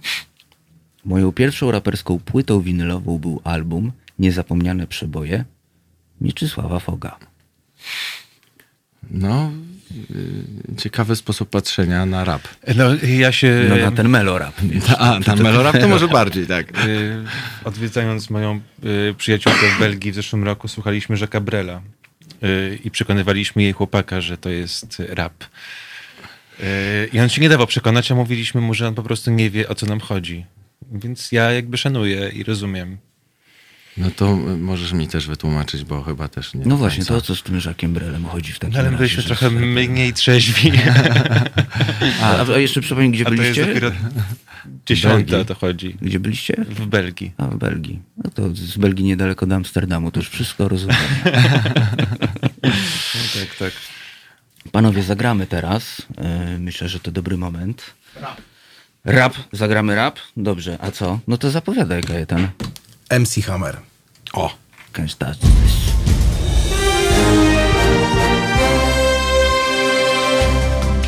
Halo Radio. Pierwsze medium obywatelskie.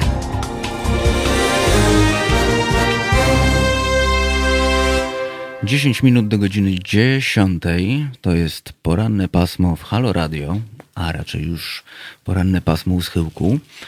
E, są z nami Michał Kurkowski, scenarzysta i autor oraz aktor Piotr Witkowski, grający postać Chyrzego w e, projekcie Radioinżynierska, jeszcze raz dzień czyli dobry. rap w słuchowisku, melorapującym. Słucho. Słucho, słuchorap, e, też padła taka propozycja. E, nasi słuchacze się bardzo e, obudzili a propos No bo już jest rapsów. bliżej dziesiątej. O, O to tusze. chodzi. Obudzili się po prostu.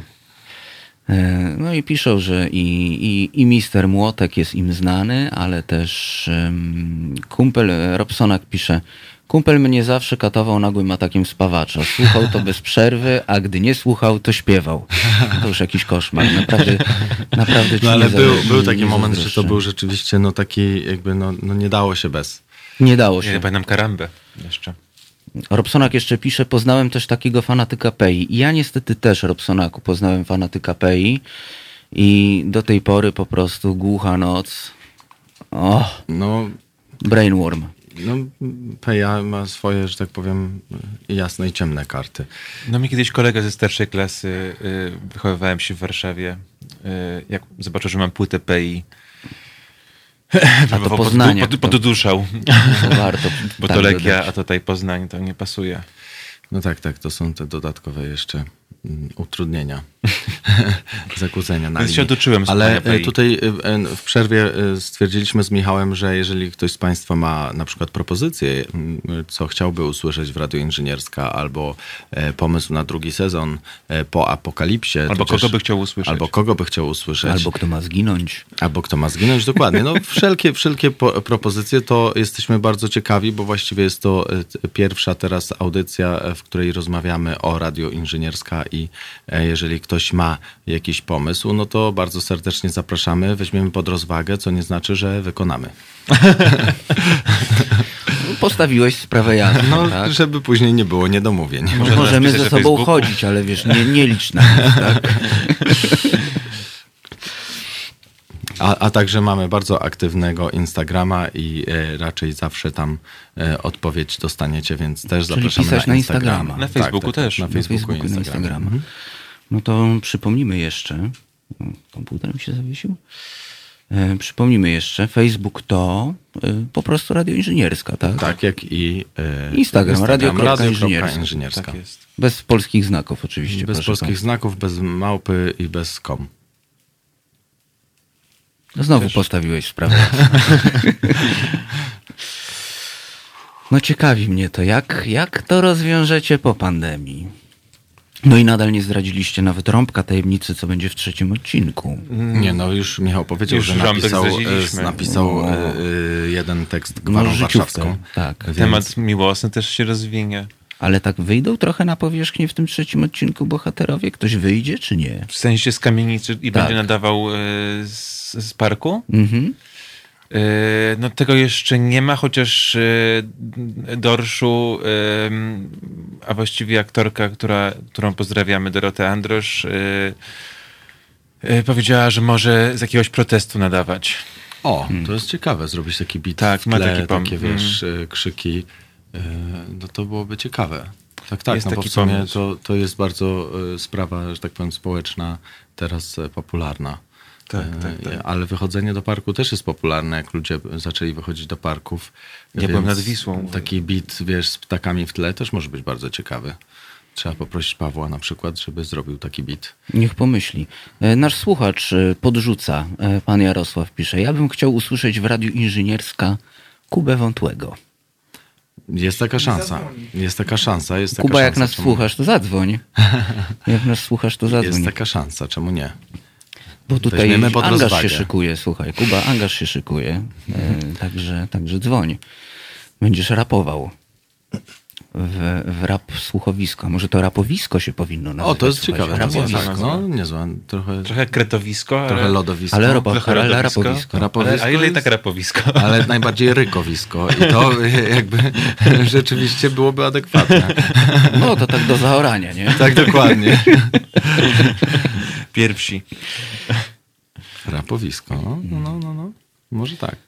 A, jeszcze dorzucają drugiego z naszych redaktorów. To Będziecie musieli zrobić po prostu radio inżynierską w Halo Radio, jak tak niedługo pójdzie, bo tu się słuchacze naprawdę nakręcili, e, że chcą jeszcze naszego redaktora Wojtka Krzyżaniaka. Em, pisze ja, ja, pan Jarosław, a Julek odpowiada, że jako potwora z piwnicy wyjadającego, wyjadającego ogórki ze słoików. No, Znaczy taki pomysł już był rzeczywiście. E, Nie akurat na Krzyniaka, ale powiedzmy, że możemy sobie na to pozwolić. W pierwszym Jeśli się odcinku, zgodzi oczywiście. W pierwszym odcinku jest... Wojtek, e, myślę, że tak? myślę, że ten. No, Jest komandos. Pogadamy dzisiaj z nim. który, A co? który właśnie tak e, rapuje jak gdyby z, z bunkra. Tak, E, Więc tak, tak. jest taki zbliżony, zbliżona postać. Ale nie je ogórków i to jest nie ten je problem. ogórków, nie je, ale mógłby być niezrozumiany wtedy.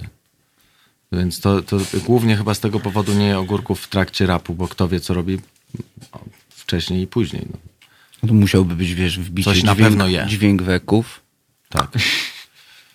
I, i tak, takie, wiesz, zagryzanie z mlaśnięciem takie jeszcze musiałoby być. Tak. Ale to wbicie w ogóle chyba by musiało być. No, musiałoby żeby, żeby być, to miało musiałoby sens. być, tak. I taka y, łódeczka od łokcia. To też Już tego, wiesz, być. nawijania na ogórka y, bekonu, to już nie wiem, jak, jak udawać to. bo to widziałem tak To kiedyś. nawet nie znam takiej metody. A to jest taka metoda, słuchaj, że wiesz, najpierw oczywiście e, ta Mhm, łokieć. łokieć, wiadomo, flaszka idzie. Widziałem, jak panowie wyciągali właśnie. Co, to było bardzo ciekawe, bo oni to robili na stacji e, benzynowej na autostradzie. No to można robić wszędzie, a sz, e, szczególnie za kierownicą. Nie wiem, czy któryś z nich nie prowadził, okazuje- no ale mniejsza. I, i słuchajcie, bierze się te ogóreczki i bierze się jakąś tam słoninę, czy jakiś inny boczek, zawija się tego ogóreczka. No jest oczywiście, wiadomo, pięćdziesiątka i No to, to I nie próbowałem, ale nie, tak jem, nie, jem, nie jem mięsa, więc musiałbym to spróbować z tofu zrobić, a to może nie wyjść. Szczególnie nakręcanie tofu na ogórku. No właśnie o tym mówię, o tym trudne. mówię. Musiałbym raczej tak wbić ogórka w tofu, a podejrzewam, że to już zupełnie inna jest... To już inny wymiar, wiesz? Tak, to jest inna, inna Musiałbyś sprawa. tego ogórka drążyć jeszcze, No zobaczyć, który ogórek a, jest a dobry do tym, jakie drążenia. duże tofu musiałbym mieć. No, No ja, już ja nie, się to też, już ja nie, się swego już- czasu też z tofu zmagałem, bo to jednak uzyskanie dobrej konsystencji, żeby ono takie podsmażone miało jakiś sens. No, ja wędzone, wędzone bardziej. No, sprzedam ci potem przepis, mam Dobrze, świetną bardzo marynatę. A, a propos przepisów, w drugim odcinku jest przepis na kimchi e, i, i też jest dosyć zabawnie. Wykonują Hiroaki Murakami i Viet Ando. Tak, są tacy goście u nas w drugim odcinku. E, zapraszamy do posłuchania. A przepis by Robi Rupello. Obiecałem, że to powiem. I tak też powiedziałeś. Szanowni Państwo, Generalnie chodzi o to, że wszystko, co nas otacza i interesuje, jest w Radiu Inżynierska. Staramy się to ująć. I w sumie zasugerowaliście panowie przed chwilą naszym słuchaczom, że oni też mogą mieć jakiś wpływ na to. Oczywiście, Bo może to piszcie do nas, piszcie do nas jak najbardziej i na Instagrama i na Facebooku e, e, lub dzwońcie na numer podany w audycji, tak, w słuchowisku. E, nie będziemy go tu podawać, e, właśnie po to, żebyście posłuchali. Dokładnie tak. Proszę Państwa, em, byli z nami twórcy projektu Radioinżynierska, mm, scenarzysta i autor Michał Kurkowski oraz aktor Piotr Witkowski, którego usłyszycie grającego postać Chyżego. Także zapraszam Was teraz do mm, e, odsłuchania Radia Inżynierska po audycji. Są już dwa odcinki, czekamy na trzeci. No i będzie się działo, więc I zapraszamy też chyba za dwa czekamy. tygodnie będzie impreza Radia Inżynierska w Luna Parku, ale to tak na razie tylko zapowiadam, bo więcej informacji będzie wkrótce. Na naszych e, mediach społecznościowych. Dobrze, to, to. to dacie mi znać, to ja będę wtedy zapraszał też na imprezę Radia Inżynierska. E, tymczasem dziękujemy Państwu za uwagę. E, za stołem realizował nas e, dzisiaj dzielnie trzy godziny Kajetan Strzelczyk. Ja nazywam się Kornel Wawrzyniak. E, tych, którzy są zawiedzeni, że nie zajęliśmy się dzisiaj e, zadaniem e, maturalnym dotyczącym Karola Wojtyły i Arystotelesa. Obiecuję, że zacznę od tego w przyszłym tygodniu. A co z grubej rury od razu siódma rano, matura z filozofii. Porównamy sobie tego Arystotelesa z tym Wojtyłą. Ja może do tego czasu pozbędę się mojej kary e, w buwie i e, pożyczę rzeczywiście Wojtyłę, no bo przecież nie trzymam takich rzeczy w domu. E, także życzę Państwu miłego dnia. Dziękuję za obecność i do usłyszenia w przyszłą środę.